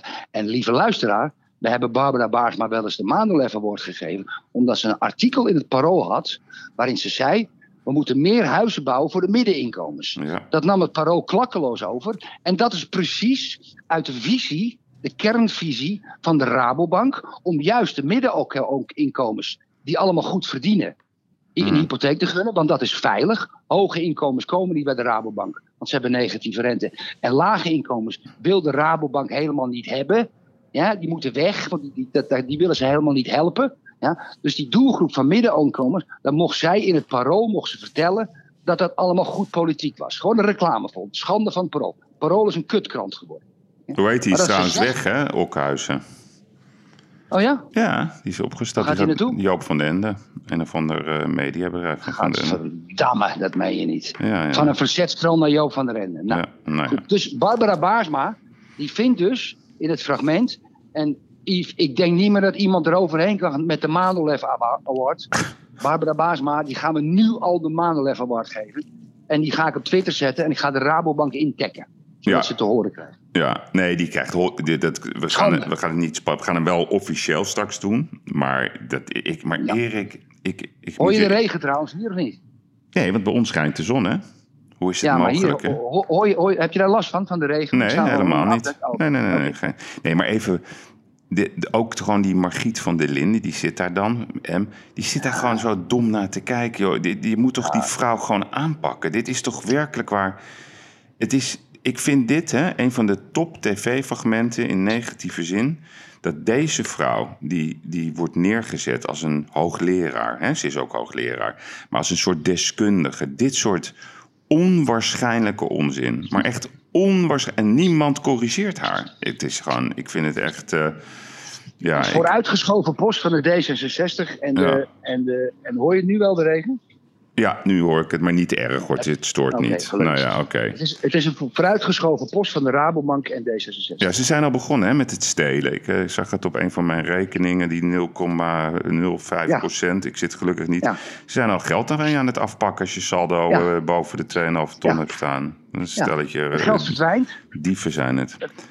Dat geld verdwijnt gewoon niet. Ja, maar goed. Erik, ehm, de noodwet. Vertel, Ja. Kijk, wat gaat dat allemaal betekenen voor ons? de luisteraar. Ik ga toch even naar binnen. De luisteraar. 90% van de mensen denkt niet door. Ja, er komt dus een noodwet tegen corona. En dan denken de mensen, ach ja, weet je, eh, we vertrouwen Rutte wel. En het is allemaal goed. En het is alleen maar voor corona. Dus het maakt het uit. Blijven een paar avonden binnen. Nou, ik ga jouw luisteraar artikel 13 voorlezen van de noodwet. Artikel 13, lid 1. Onze minister van Veiligheid van Justitie is, is bevoegd beperkende bepalingen vast te stellen omtrent het vervaardigen, uitgeven, voorhanden hebben, verspreiden, aanbrengen of in de handel brengen van geschriften, opschriften, tekeningen of afbeeldingen. Hij kan een en ander ten aanzien van bepaalde geschriften, opschriften, tekeningen of afbeeldingen geheel verbieden. Ja, ja. Dat houdt dus in. En dat is natuurlijk. Ja, zover zal het allemaal wel niet komen. Cartoons. Denken we. Cartoons. Ja? Dus het is dus zo als geen stijl of welke medium wat een beetje onwelgevallig is. En die maakt een cartoon over de schande van de, eh, de, de noodwet de avondklok. Ja? Want het gaat natuurlijk om. Een, we denken allemaal dat het de avondklok is, maar het is veel meer. Lees de noodwet. Hmm.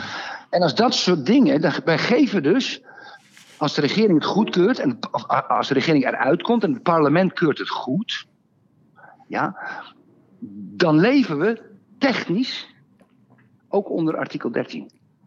Ja. Hitler, 30 jaren, zei precies hetzelfde.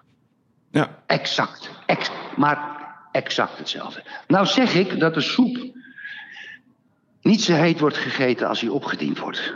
Want dat kan je niet maken. Maar toch leven we dan technisch onder een regime met artikel 13. Ik heb- vind dat gewoon geen fijn gevoel, Yves. Nee, nee, dat is een gevaarlijke ontwikkeling. Maar ik, ik moet je, heb jij gekeken naar die Is dat, persconferentie? is, dat, is, dat alle, is dat alles wat je zegt? Nou ja, weet je wat het is, Erik? Kijk, er is, je wordt helemaal doodgegooid met dit nieuws. En ehm, ik, ik, ik, ik zit natuurlijk... eh, ik heb ook, je hebt ook nog gewoon een bedrijf te leiden. Je hebt nog je eigen leven Klopt. te leiden. Ja. Eh, je hebt nog je privé dingetjes die ik ook heb eh, in deze tijden. ja, maar wij moeten wel leveren aan de luisteraar. Ja, we moeten leveren. Ja, nee, dat klopt. en, en daarom Alleen- kom ik op de, op de dingen die er echt toe doen. Ja, Daar- nee, daarom nee, doe nee. ik mijn werk. Ja, nee, dat heb je goed gedaan. Alleen, weet je wat mij opvalt, is dat wat we ook roepen, ehm, ze, ze, willen hun eigen circus gewoon in stand houden. En de, de, de Nederlandse media hè, en ook de Amerikaanse media, dat, dat zijn gewoon, dat, zijn zo, dat is gewoon de nieuwe. Ja, dat, ik wil geen Gestapo, vind ik een gevaarlijk woord, maar we worden zo beïnvloed. De eigen mening, die telt gewoon helemaal niet meer. De, de- wat er ook Nee, maar- gebeurt.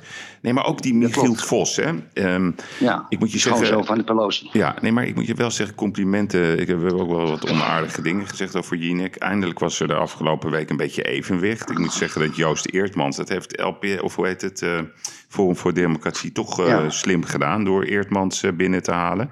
Kan niet anders zeggen. Ja, net, net zoals die nummer 7 die de holocaust ontkent zeker. Nee. Hoe heet die nog wat? Ja, nee, dat Ja, kom nou. gek jongen zijn dat. Weet je, Ja, dus, dus, ja. dat, weet je dat is, niet- maar Eertmans vind ik zelf een evenwichtige man. En, en die zeven is helemaal knettergek. En die andere trouwens, waar wij het eh, steeds over hebben gehad... die moet nog uit de hoge hoed komen. Weet je nog? Mhm, mhm. Die, niet die PvdA, maar die CDA. Nee, nee. Ik heb hem nog niet Ja, gehoord, nee. maar hij, hij komt eraan. Denk je? Ja, ja. Nou maar. Even, even, even het punt van de media, want daar, Ja. daar wil ik nog wat over zeggen. Nee, maar Kijk- dat, ik, ik voel me niet meer. Ik, ik, ik moet je nagaan. Hè? Ik, ben even, ik ben best wel eh, evenwichtig. Ik bedoel, ik, ik, ik ga mee met, met, met meningen, maar ik, ik ben ook wel te overtuigen. Het is niet zo dat, ik, dat mijn mening allesomvattend is. Ik, ik laat me graag overtuigen. Maar ik, ik kan gewoon niet meer kijken naar, naar eh, zeg maar onze staatszenders die met belastinggeld worden betaald. Het is zo verschrikkelijk. En ze willen gewoon hun bubbel in stand houden. En ik vond het fascinerend om te zien dat die, die Michiel Vos bij Jinek, die normaal geen enkel tegengeluid krijgt, die werd gewoon eventjes eh, op zijn plek gezet door die Eertmans. Die kop van die gozer, op het moment dat er tegenspraak is. Het is, het is gewoon ziek. Het zijn zieke geesten die ons mediabeeld bepalen. En ja, wat vind ik daarvan? Ik, ik, ik, ik, ik, ik ben een beetje defaitistisch aan het worden. Dat, hè, ik, wil het gewoon, ik geef het gewoon op.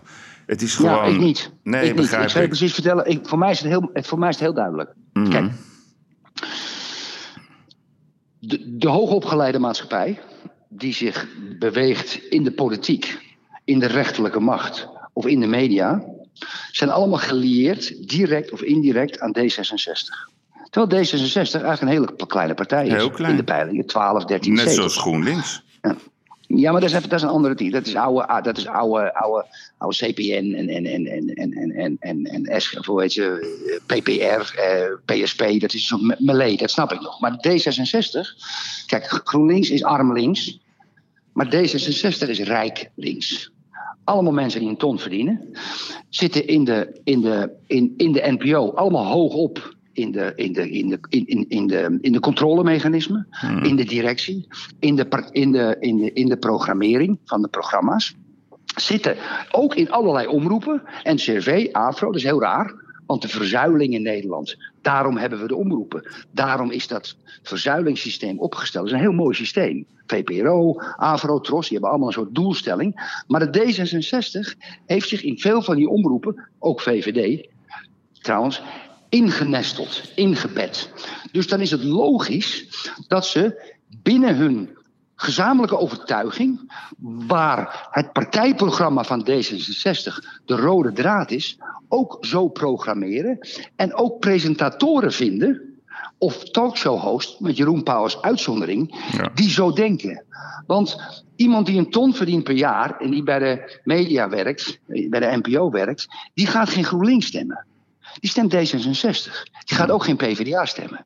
Ja, dat, is allemaal, dat deden ze vroeger, maar dat doen ze nu niet meer. Want de VARA heeft in krachten ingeboet. VARA was gewoon een linkse omroep. Nu, AFRO, NCRV, KRO zijn eigenlijk ook linkse omroepen geworden. Echter, rijk linkse omroepen. Dus dat is de lijn die je moet vasthouden als je over dat soort mensen nadenkt. Dat is mijn mening. Ja, nee, maar je eens. Je klinkt weer niet enthousiast. Nou ja, weet je, het is misschien dat ik. ehm, Je geeft het op, hè? Ja, een weekje. Een weekje, Erik. Oké, ja, nou, ja, je kent me? Je weet, Ja. je weet dat ik. Nou, eh, ik toen ik ooit nederlaag als- had, heeft dat een Ja, dag bent- geduurd, toch? Ja, maar je bent altijd wel standvastig in je, in je, Ja. in je overtuiging. Nee, maar het is gewoon. Ik kijk er gewoon met verbazing naar. En, en dan denk ik echt, ja. Er is gewoon geen ruimte voor een ander geluid. En kijk, waarom denk je dat 70 miljoen mensen op, op Trump stemmen? Omdat ze zich niet vertegenwoordigd voelen. Ik had een gesprek van de week met Max Westerman. Nou, dat is eh, de oude RTL-correspondent. Die Ja, heeft eh, natuurlijk eh, lang in Amerika gezeten. Ja. En- Aardige man. Ja, hele aardige man. En ik zat Ja, met hem zo te praten. Nou, een grote eh, anti-Trump-man, eh, mag natuurlijk. Maar toen ging ik hem zo een beetje met hem praten over China en wat daar. En vertelde wat eigen ervaringen. Alsof ik, zeg maar, nieuws aan het vertellen was. Hij zei ook al aan het einde van het gesprek: Ja, je hebt me toch wel een beetje geprikkeld. Ja, nee, dat is natuurlijk Kan je nagaan. Ja, kan je nagaan Ja, inderdaad. ja, kan je Precies, nagaan, dat zie je heel scherp. Het is, het, ze leven in een totaal andere wereld. Die mensen die daar die het woord voeren, dag in dag uit op tv, die komen niet in wijken. Die komen niet op de straat. Die hebben geen ervaring. Die hebben nooit bedrijven opgericht. Die weten, wat het, die weten niet wat het is om de pijn te voelen om je rekeningen te betalen. Om de pijn te voelen om, om je mensen aan boord te halen van je onderneming. Om te zoeken naar een baan als het even tegen zit. Die zitten Ze gewoon. Die zitten in een draaimolen die ze zelf Ja. hebben bedacht. En ze blijven Heerlijk gewoon. leventje. Heerlijk leventje, ja. Ja, Kijk, maar, en- maar ze zitten nu dus ook al in de Rabobank. ja, nee, die zitten ook in de Rabobank. Nee, dus in Nee, de Rabobank. dat geven we niet op. gaat het allemaal? We geven dat niet op. We are watching them. En we zullen ze blijven volgen. Ze zijn niet van ons af. Erik, ik wil het even met iets eh, anders, iets leuks over, met je over hebben. De, Ja, qu- de quote moet ook 500. Ja, is toch leuk. Weet je, wij, wij moeten de quote 500 bespreken. Ik vond het een fantastisch mooie cover. Complimenten voor de ontwerper van deze cover van de quote 500. Mhm. Ze hebben natuurlijk wel één ongelofelijke fout gemaakt. Dat ga ik toch even zeggen. Hoe kan je nou de quote 500 lanceren als de Amerikaanse verkiezingen zijn? Dat is natuurlijk heel dom. Daar heb ik niet over nagedacht. Nee. ja, normaal. Dat weet eh, jij als, dat jij als mediaman natuurlijk. Ja. Daar heb ik niet over nagedacht. Nee, ik- dat vond ik een beetje onhandig natuurlijk. Maar goed. Ja. Ik vond het een eh, zeer vermakelijke uitgave. Eh, jij, hebt er, jij hebt er twee keer in gestaan, toch? ja, ik ben een van de weinigen die erin is gekomen. Toen eruit is gevallen. Toen ben ik weer teruggekomen. En op een gegeven moment stond ik er niet meer in. Prima. En, en de eerste keer toen je erin stond, voor hoeveel stond je er toen in? Eh 135 miljoen vermogen. En de tweede keer? 75. En klopte dat nou een beetje, die 135 en die, en die 70? De eerste wel, de tweede niet. Nou, vertel, leg dat eens even uit aan de luisteraar. Dat is Nou, toch leuk? Ja, kijk, de eerste was, ik, ik, ik was gewoon 135 miljoen waard. Ehm, dat is heel simpel. Ja. Pak een beetje, ik had 400 miljoen schuld en 650 miljoen activa. En bedrijven die rendeerden. Ja. Ja, Dat ja. was een beetje balanstechnisch, dus dat is een verschil. Toen, heb ik, toen ik onder druk kwam te staan, van, van, ehm, van, van zeg maar in 2005 met het gezeik met die luchtvaart. Toen heb ik dat bedrijf verkocht voor 35, 40 miljoen. Ja Mhm. onder druk. Want, die luchtvaart, dat, dat is een lang verhaal. Ja. En toen heb ik opvolgend, heeft die man die het gekocht heeft, die heeft het aan een andere, want ik had een prachtige ontwikkelingsportefeuille, verkocht in 2007. En die voer met mijn portefeuille de crisis in, de kredietcrisis in. En toen waren die 650 miljoen activa, die waren opeens 350 waard. Dus toen stond hij min 50 miljoen onder water. Ja? En toen ging hij failliet. ja, wat jij... Trok- ja, De bank trok hem omver. De bank trok hem omver. En dus mijn 135 miljoen klopte. Eh, Ik zou je vertellen, het was eigenlijk nog meer. mhm. En ik had net dingen gekocht zoals de Babylon. Dat Babylon in Den Haag, dat weet niemand. Dat heb ik eigenlijk.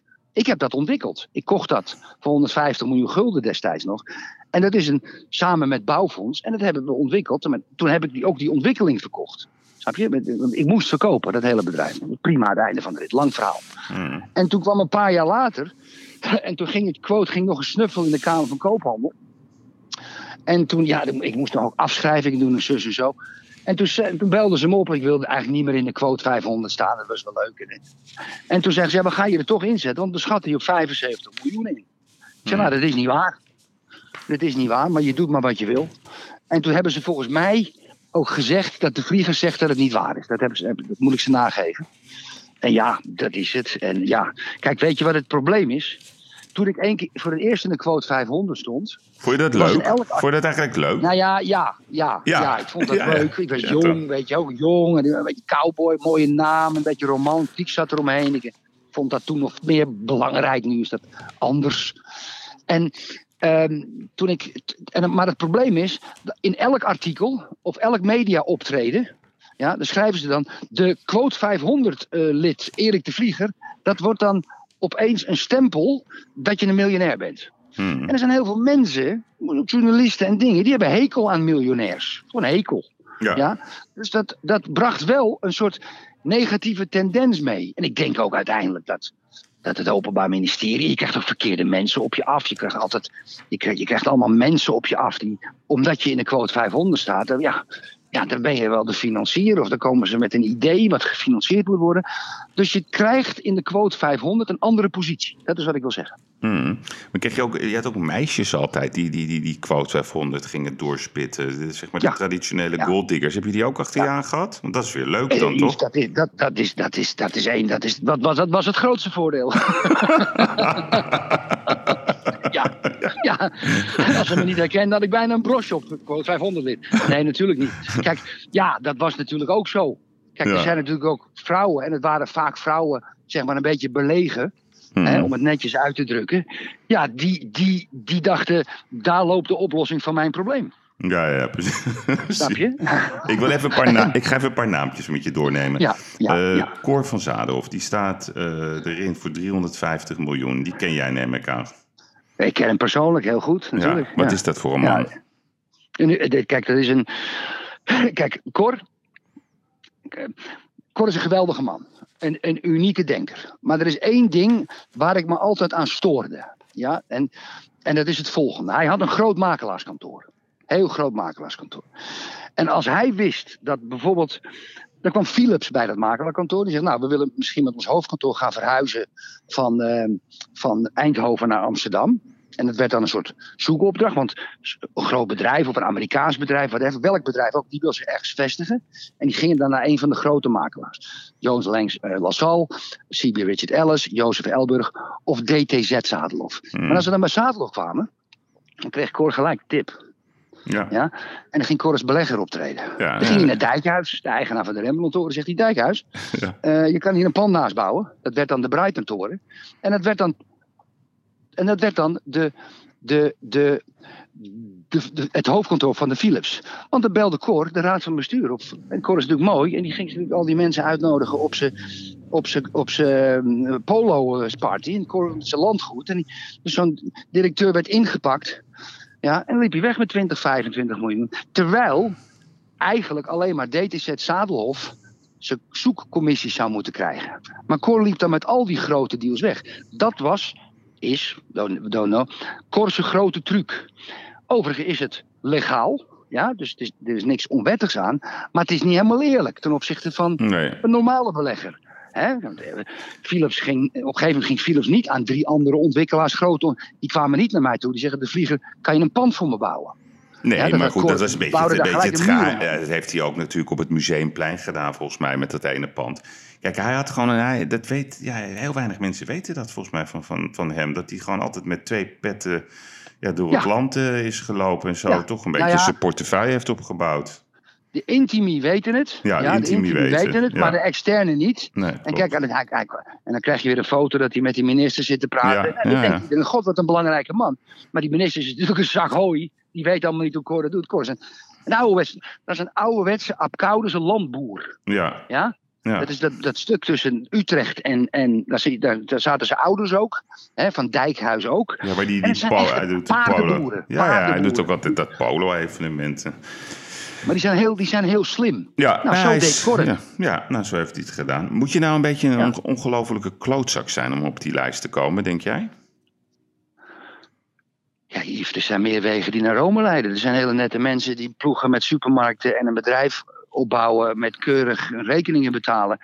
En, maar er zijn ook eh, niets onziende eh, vastgoedbazen. à la Bertus Lusker destijds. Ja. Ja, die, die, die, ja, die, die zo hard zijn. eh, En, en dat zijn, waren dan vaak zeg maar, de naoorlogse geboren mensen. Die, eh, die, die komen na de oorlog werden die geboren van ouders. Die, die zware tijden in een oorlog gehad hebben, eh, familie en weet ik veel wat. En die zijn op een hele harde manier opgevoed, werden die opgevoed. Dus die hebben in hun karakter geslepen gekregen een zekere vorm van nietsontziendheid, ja. Mhm. Dat, dat, dat, dat, dat, dat, dus, dat, er zijn verschillende mensen in de quote 500. Er zijn allerlei karakters in de quote 500. Dus ik denk dat, dat, de- dat, dat al die smaken wel vertegenwoordigd zijn, Yves. Hmm. Want wat je ziet, hè, je hebt eh, die, zeg maar die, die, die, die traditionele hardliners, zeg maar, die, die met de harde hand, zeg maar, eh, ja, eh, die plek hebben verworven. Ehm, ja, ik ook. Ik Ja, heb- jij ik ook. heb- Eh, Ik ook. Ik heb keihard, ik ben keihard, ook mijn ouders. Keihard zaken doen ook. Hè? Keihard. Ja, ja. dat hoort er toch bij. Je kan toch niet zonder keihard zaken te doen de top bereiken. Ja, het is gewoon vervelend om te zeggen, maar het is toch een beetje zo. Nou, kijk, Yves, dat, daar zit ook een nuance in. Kijk, Mhm. ik, kijk ik, ik, heb een, ik ben nu bezig met een bank. Ja? Ik ben aan het kopen van een bank. Een, eh, een groot terrein. Ehm, ik, ik interesseer me er totaal niet voor of die mensen er goed uitkomen. Ik heb er scheid aan. Ja, ik heb er helemaal, helemaal lak aan. Ik wil ze zo goedkoop mogelijk hebben, voor ze best mogelijke condities. En ik ga tot het gaatje. En ze mogen allemaal denken van mij wat ze willen. Niets ontziend, hard. Ik moet ze ook niet. Ja? Hmm. In principe moet ik ze niet. Ik hoop niet dat er de Portugese bank meeluistert. Ik hoop Maar er het zijn ook niet voor je. Maar er is ook een bouwer die voor mij bouwt op het moment. Ja, en die, en die, en die belt me op en die zegt: Erik, ik, ik, ik heb geld nodig. Ik zeg: Ja, maar jongen, ik, ben, ik loop helemaal op lijn op het bouwwerk. Hij zegt: Ja, maar ik moet vooraf onderaannemers betalen. En, en, en weet ik veel wat. Die zit even in, in, in een cashprobleem van, van 2, 2,5 ton. En ga ik er naartoe en dan, dan kijk ik hoe de schade is. En dan help ik hem. Ja, en ik hoop dat ik dan later, als ik eens een keer hulp nodig heb, wat terugkrijg. Dan moet je altijd maar zien met loyaliteit.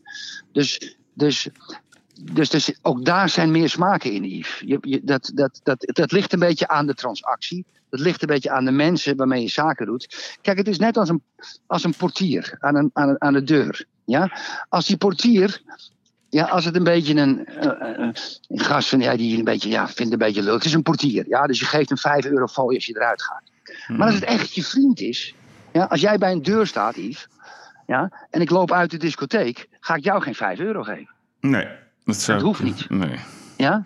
Dus als je dat als voorbeeld neemt, het ligt maar aan hoe bevriend, hoe je de portier mag. Als je hem helemaal niet mag, je zegt dat een pleurisleider, die krijgt helemaal niks van mij. Ja? nee, maar wat ik dan, eigenlijk dan bedoel... loop je eruit. Kijk, wat ik bedoel eigenlijk, zeg maar, je- ik, zeg maar wie voor mij echt symbool staat voor de, voor de harde, robuuste zakenman in Nederland is, is eh, Dick Wessels. Die is helaas overleden. Ja, Van ja die heel goed, hè? Ja, maar dat is echt, Ja. echt, eh, echt robuuster dan dat ga je het volgens mij niet vinden. Ja, Yves, ik heb toch wel, ik heb, ja, ik heb wel met handen schudden zaken gedaan. Nee, wel. en, en met Dick Wessels, Je moet heel sterk in je schoenen staan om met deze man Ja, maar- eh, tot iets te komen. ja, maar Dick Wessels had iets wat wij allemaal niet hadden. En dat is? Ja? Buiten zijn karakter, dingen tussen. Dick Wessels had de beste secretaresse ter wereld. Nou ja. Dick Wessels had een secretaresse, Sini, die overigens met die World Online Nina Brink verhaal meegecashed heeft met 20 miljoen. Ja, hij heeft hij volge- nee, veel meer nog, jongen. Nee, nee, nee hij heeft 1,3 miljard gekregen. Ja. Maar zij heeft... Oh, zij. haar Oh, haar- oh, oh. zij, hij heeft Zij ook nog. Jee, mooi 20 verhaal. Lachen ze. Sini kreeg 20 miljoen. En Sini zat bij elke bespreking, of het nou in huis of uit huis was, met een bloknoot. Ja, En die schreef alles op wat de tegenpartij zei. ja. Dus als je zei bijvoorbeeld, ja, ik, ik, kan, ik heb daar 17 miljoen voor betaald, Dick. En dan kwam je drie maanden later, zei Dick, ik heb er volgens mij 18 miljoen voor betaald. Dan hoorde je, nee, je hebt 17 miljoen betaald. Want dan had ze een, een briefje en dat kopieerden ze. Die deed ze in een map met de datum. Hmm. En, die deed ze een, en een kopie deed ze bij je naam. Dus als je dan, dan zag ze in de agenda, maakte ze afspraak. kwam je de dag daarna. En, en, en dan had zij het briefje al liggen. En dan zat ze onderwijl te werken en te luisteren. Om te kijken of ik de waarheid sprak. Ja, Uniek. we- ik moet je zeggen, mooi, een, mooi voorbeeld, Erik. Compliment. Want ik moet er meteen gelijk denken aan Erna Schmidt. Dat is de, de PA-secretaris van John de Mol. Dat is ook zo'n een fenomeen. Zo goed, zo strak georganiseerd. Ze is er Ja. even uit geweest. Nou, hij wist niet hoe snel Ja. hij weer moest terughalen. Ja, Ik denk dat je wel eens gelijk kan hebben. Een, een gouden secretaresse is, is, gouden secretaresse. tientallen En- en- en miljoenen het waard. is- ja, klopt. Ja, maar het probleem is, en dat is echt een probleem, Yves. Kijk, je gaat zo innig met zo'n secretaresse worden dan. Ja. Als het een knappe secretaresse is. ja, dat geldt dan bij jou, hè? Dan kan je niet inhouden. nee, nee, dat is met iedereen zo. Oh, oké. Dat is dat, als je een beetje man bent, ja, dan hou je dat niet vol. Als, het- als je elke dag innig met iemand omgaat en die is ook nog aantrekkelijk, dan ga je er op een gegeven moment mee naar bed. Hmm. Dat, dat, dat, of je gaat in ieder geval proberen, laat ik het zo zeggen. Ja? Want dat hou je niet vol de hele dag. Week in, maand uit, jaar in, jaar uit. Dat gaat niet. Dus de vraag is of Dick Wessels een verhouding met haar had. Ik denk het wel. Wat ik wel van Dick Wessels weet. Toen hij ging scheiden. Dick is van zijn vrouw gescheiden. Die had een vrouw in een bloemetjesjurk. Een aardige vrouw, daar gaat hij om een heel ander niveau. En hij had hij een groot huis met vijf slaapkamers. En hij had drie vriendinnen. Ja, gewoon dat hij goed mee omging en ook mee naar bed ging. Dus breaking news. Maar hij sliep nooit met een andere vriendin in een andere kamer. Dus elke. Ja, dat is echt waar. Ja, ja, dat is echt waar. Dat is echt waar. Dat is echt waar. Dus, dus je had bijvoorbeeld kamer 1, 2, 3. En had je eh, minnares 1, 2, 3. Dus hij sliep alleen maar met minnares 1 in kamer 1. Ja. Ja, dat is echt waar. Ja. Je brengt nu weer allerlei mensen in de problemen. Hey, Erik, en Klaas Hummel, die staat ook op de lijst. Die heb je ook goed gekend. Hoe, ik weet Heel goed. Dat was de partner van Enstra. Ja. Ja. Hoe was jij met hem? Want die heeft zich toch een beetje uit die strijd met Enstra en, en, en ook Holleden natuurlijk... heeft hij zich goed eh, eruit kunnen redden. Hij is een gerespecteerde Ja, kijk, Klaas is niet bang. Nee, hij is niet bang. nee. Klaas is niet bang. Klaas is niet bang. En Klaas was altijd. Kijk, Klaas is de zoon van een politieman. Ja. En Klaas, die, ja, die, Klaas was een, een, klerk bij een bank. Ja, een soort klerk.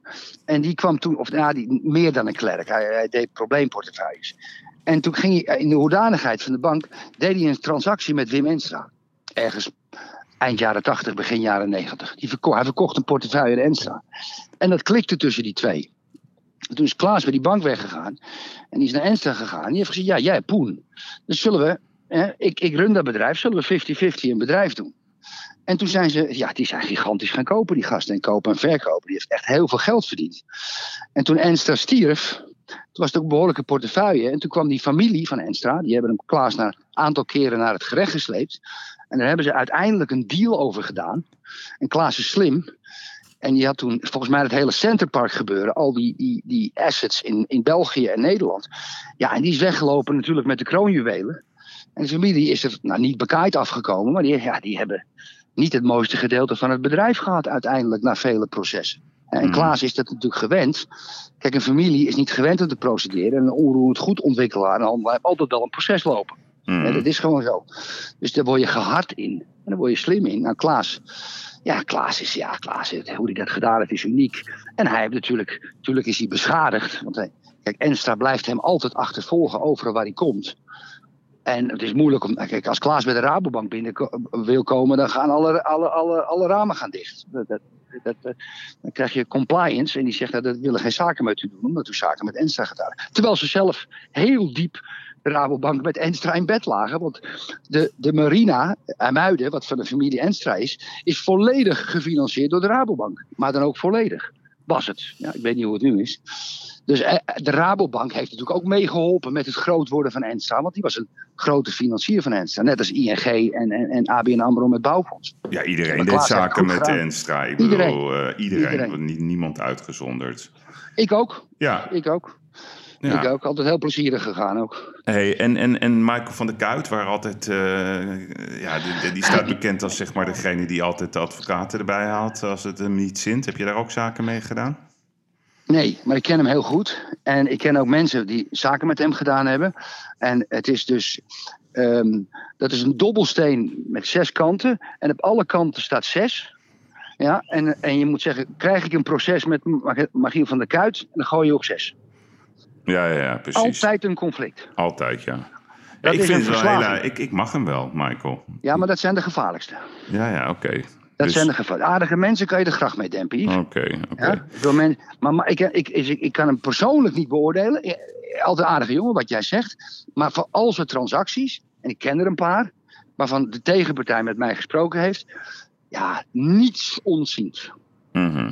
Niets dus dat, dat is een beetje die theorie die ik zeg. Je moet niets ontziend zijn om toch in zo'n lijst terecht te komen. Met de nuance van jou erbij dan.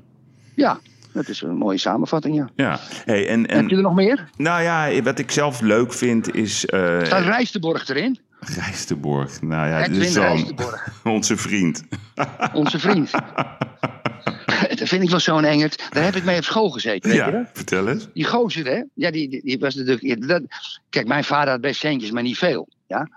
Maar Edwin is echt, echt. Als, als, ik heb hekel aan de uitdrukking rijke luiszoontje. Maar hij is echt zo'n zo'n zo'n zo'n vatsig rijke luiszoontje. En hij liep altijd als een krab, zijwaarts. En dan had hij zijn hoofd wel naar je als hij liep. En dan liep hij zijwaarts, en net een krab. Alsof, hij, ja, ja, alsof zijn vader hem een keer vroeger met een stok had geslagen. Dat zijn hele lichaam scheef stond. En Edwin, ja, dan, dat, ja, die zaten we altijd zo te jennen. Oh, niet toch, op school ook al.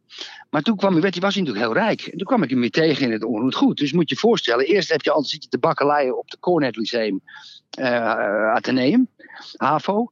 En, en dan kom je diegene twintig jaar later met een transactie van een paar miljoen weer tegen. Dat is natuurlijk heel raar.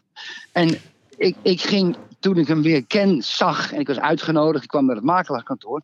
Yves, ik ging weer gelijk op de oude voet door.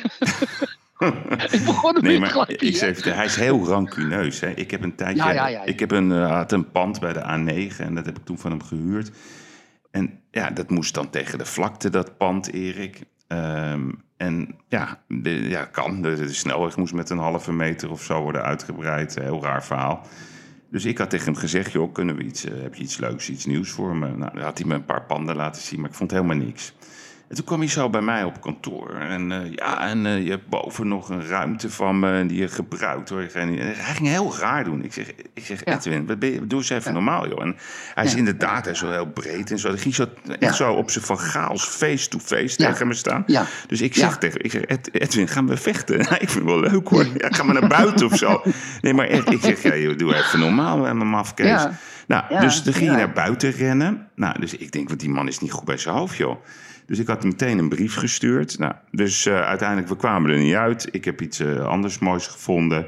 En weet je, dan ging je dus eh, een, een, een, standhouder van mij bellen.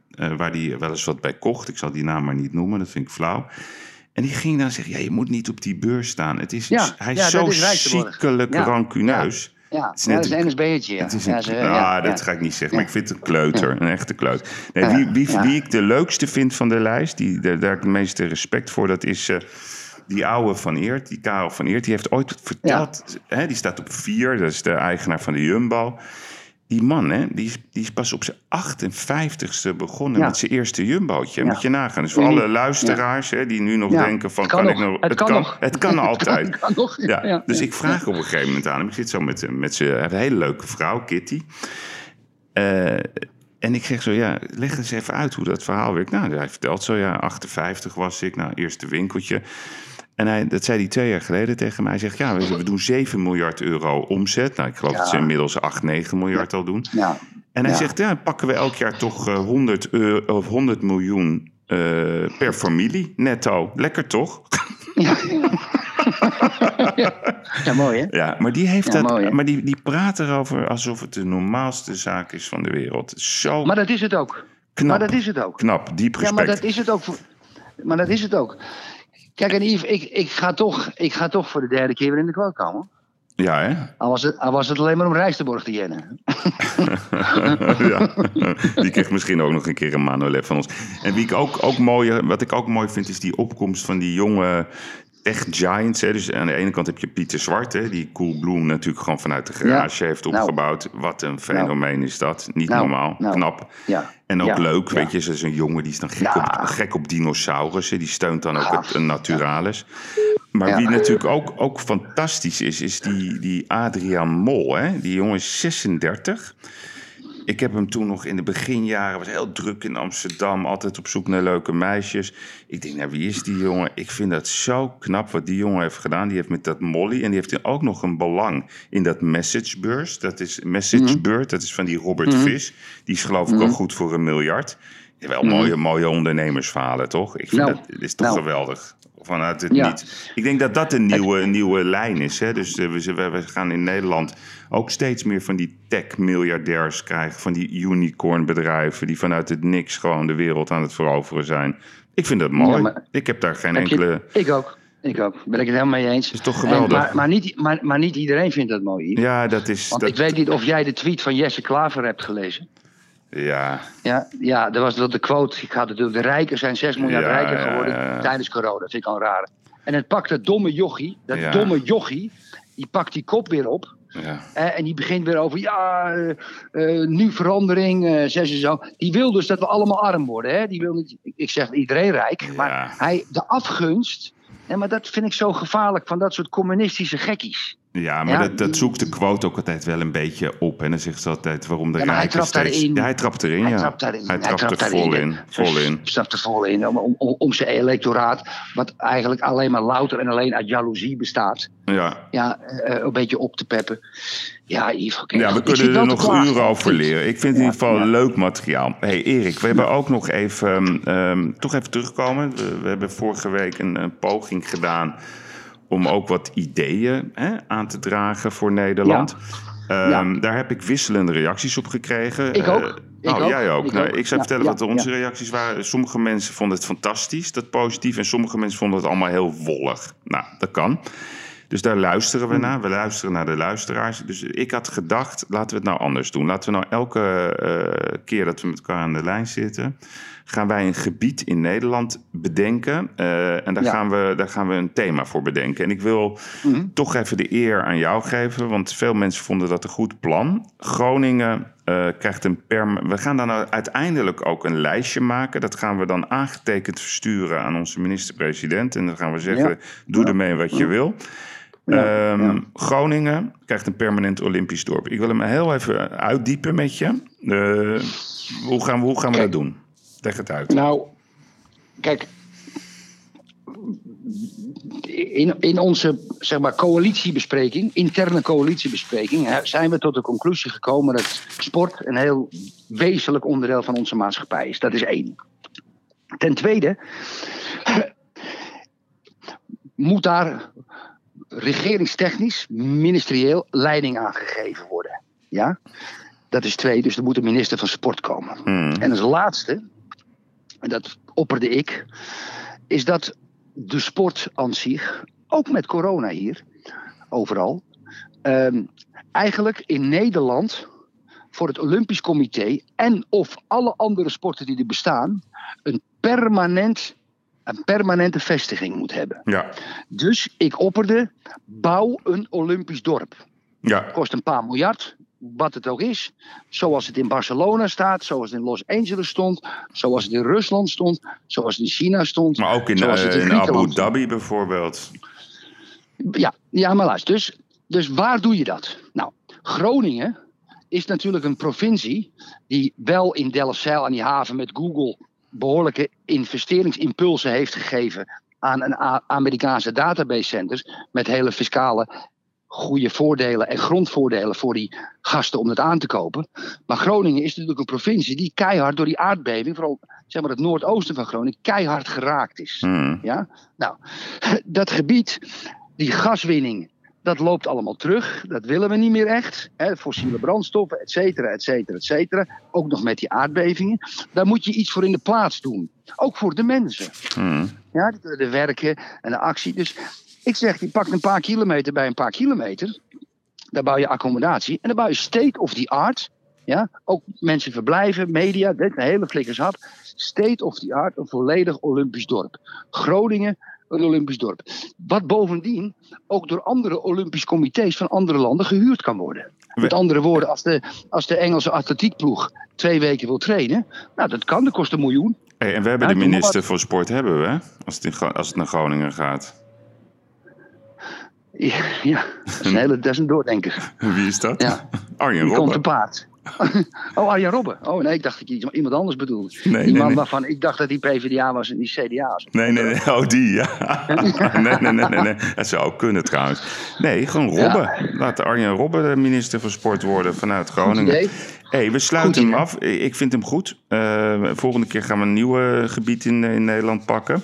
Oké, oké. E- Erik, even officieel. De Manolev Award van deze week. Daar komt de Ja. jingle. Daar gaat hij. Daar komt de jingle.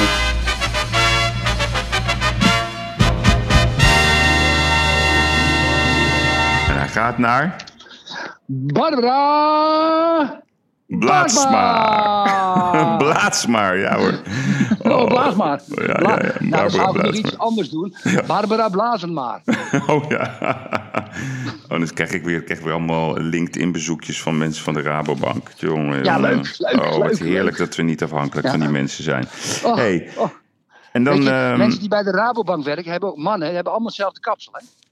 ja? Is je dat wel eens opgevallen? Ja, allemaal van die, van die stekeltjes van 3, 4 centimeter. Oh, allemaal, dat heet een Rabobank kapsel. Oh. Oké. Hey, en dan nog eventjes... ehm, ja, eh, even jouw zakelijk dingetje. Even nog gefeliciteerd. Jij hebt een eh, hotel eh, erbij, begreep ik. Ja, nou, kijk, eh, even begin, begin. Ik ben heel trots op het feit dat ik toen ik corona invoer, mijn hele bedrijf eigenlijk omgebouwd heb naar waar komen de mogelijkheden. Dus ik heb een team. Er gaan een heleboel mensen failliet, die stoppen, weet, ik veel wat. Dus, dus, nou, om lang verhaal kort te maken, er kwam iets op mijn pad wat ik niet kon hebben. Eén van, ik ga de naam niet noemen, een van de mooiste hotels van Portugal. op de klif. Echt uniek, Yves. Hmm. Was van een Zwitser. Ik heb een Zwitserse partner hier in mijn bedrijf. Die heb ik daar naartoe gestuurd. Die zijn een half jaar gaan praten. Die man moest 12 miljoen hebben. Maar ik ga niet 12 miljoen in een hotel stoppen nu. Klaar, ja. En ik heb het ook niet liggen, ook nu. Dus mijn Zwitserse partner, die heeft een hele rijke Zwitser. Een zakenpartner van Zwitserland. Daar naartoe gehaald. En die man die werd verliefd op dat hotel. Is keiharde zakenkerel ook. Mooie man. Hmm. En ik liet dat een beetje gaan. Ik, liet ze praten. Dus het kan allemaal. En ik hoor gisteren, Erik, eh, we hebben het gekocht voor 7,7 miljoen. Ik zei, dat meen je niet. Ja. Dus die Zwitserse, die Zwitserse partner, die heeft dat hotel gekocht. De, de, en de Activa. Voor 7,7 miljoen. En die geeft volledig de exploitatie in onze handen. En dan moet je zo zien, niet dat ik een McDonald's ben. Maar het is alsof McDonald's de bokdorens koopt. Ja, ja, ja, op zo'n manier. Snap je? Ja. Ja, dat is. Hè, dat is, dat is ja, als er acht sterren bestonden, zijn het acht sterren. Er zit dus een trap in de rotsen gehouden, die gaat zo naar de strand. Fantastisch. Nee, ja, ik, ik ken het. Ik, je hebt het me ook eh, gestuurd, dat mogen we best wel zeggen. Eh, Het enige wat ik, dat heb ik je al gezegd. Ik wil wel Ja, eventjes een eh, wat, wat, wat, wat meer eh Nou, eigen tijd nou, sausje eroverheen gooien. Zaken zijn zaken, Erik. Yves, Yves, dat zeg je. Ja, Maar ik wil mijn klanten niet beledigen. Maar er komen fossielen van 70 jaar oud die 500 euro per Ja, dag betalen. ja, ja. Ja, die, vind, die, vind, die houden wel van die oudbolligheid. Ja, maar dat mag een beetje. Het mag iets. Het is wel heel erg 60, 70 jaar, Erik. Kom op, zeg. Het is, Dat is niet allemaal- waar. Het is Amstel is Hotel. waar. eh, nee? Dat is, nee, dat is echt. Dat, dat, misschien zijn die foto's slecht, maar dat is echt niet waar. Maar dat maakt verder niks uit. Het is een unieke plek. Het is uniek, hè? Uniek, uniek. En nou ja, en, en het, niet dat ik daar een clubhuis van ga maken, maar het is natuurlijk ook, je moet niet vergeten, ik, krijg, ik doe mensen, en met, en ik doe zaken met mensen en fondsen en banken uit Lissabon. Die Ja. komen naar de Algarve. Ja, ja, die vinden Ja. dat En heerlijk. als ik die ontvang in dit eigen hotel, je Ja. zit daar buiten op de rots. En ja dat, ja, dat zijn toch dingen die doorgaan werken. We Yves. worden er Dus jaloers op, Erik. Niet doen, niet doen, joh, niet doen, niet doen. En het allermooiste is, als het, het is corona, dus we hebben ook tegen die man gezegd, ja, we weten niet of we winst maken dit jaar. Ja, Nee, nee, dat is geen probleem. dat is weer lekker. Geen probleem. Geen probleem. Als je Ja. maar zuinig op spullen bent. Fieke Felice, hè? Fieke Felice, wees blij. En dat ben Ben jij. ik ook. Nou, Erik, gefeliciteerd met deze mooie deal. Het was een, eh, ja, ik vond het leuk. Heel leuk. We hebben Ik weer eh, heel veel besproken. Je was scherp. Complimenten daarvoor. Ja, de, Ja. Amerikaanse verkiezingen, Erik. We gaan er niks meer over zeggen. Leon heeft er genoeg over gezegd. Weet Ik- je wat ik van Leon de Winter vind? Nou, Ik ben het nog nooit oneens met die man geweest. Ik vind dat zo'n slimme, wijze man. ja, Die, ik, ik, ik vind dat zo'n fantastische vent. niet normaal. Ja, wat hij schrijft, hoe mooi hij dat schrijft.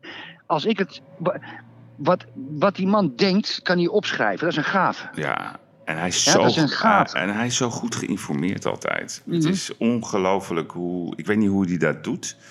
Maar hij, ik, hij woont heel leuk in Bloemendaal. Ik ken hem heel erg goed. Dat moet je niet zeggen, Oh, waar sorry. hij woont. Oh, Ja. nou ja, hoezo? Nee. Maakt toch niet Nou ja, uit. weet ik niet. Nee, Ja. eh, ik, zat, ik heb het adres toch niet doorgaan. Maar hij woont in ieder geval leuk. Het is een, ik ken niemand die zo'n gouden pen heeft als, als Leon. Nou, Daarnaast nou. is het ook, het is ook een goed mens. Het is echt een goed mens. En ja, wat hij doet, hij gaat altijd, hij duikt er helemaal in totdat hij echt weet hoe de looplijnen zijn. Hij is feitelijk gewoon briljant. Ja, weet je wanneer ik hem voor het laatst gesproken heb? Op de mitzvah van je zoon. Oh, kijk aan, dat is heel lang geleden. Weet je dat nog? Ja. Nou, ja, ik weet niet ja. dat je hem gesproken hebt, maar eh, dat, ja, dat is ruim tien jaar geleden. Ja. Ja. Nagaan hoe snel de tijd gaat houden. Maar goed, hij heeft, hij heeft het eh, ja, snel allemaal. Hè? Dus eh, we moeten het leven ook leven. Zo is het. Zo dat is een mooi moment om te stoppen. Ik zou zeggen. Erik, goede week. En eh, blijf doorgaan met het aanrijgen van de vliegerportefeuille. Zodat je weer snel, snel hoog in de lijst terechtkomt. We blijven het steunen. Oké, jongen. Heel goed. Adios. Ik- Hoi, hoi, hoi. Dag man. Hoi, Bye hoi. bye, ciao. Lieve luisteraars, wat een week. Het was een levende versie van House of Cards. Ik zou zeggen, geniet mee met dit mooie filmfragment. Now, you accuse me of breaking the rules, and I tell you, I am playing by the rules. The very rules that you and I all agreed upon. The very rules that you and I all wrote together. So, yes, I'm guilty as hell, but then so are all of you. Yes, the system is corrupt, but you wanted a guardian at the gate like me, and why? Because you know I will do whatever it takes.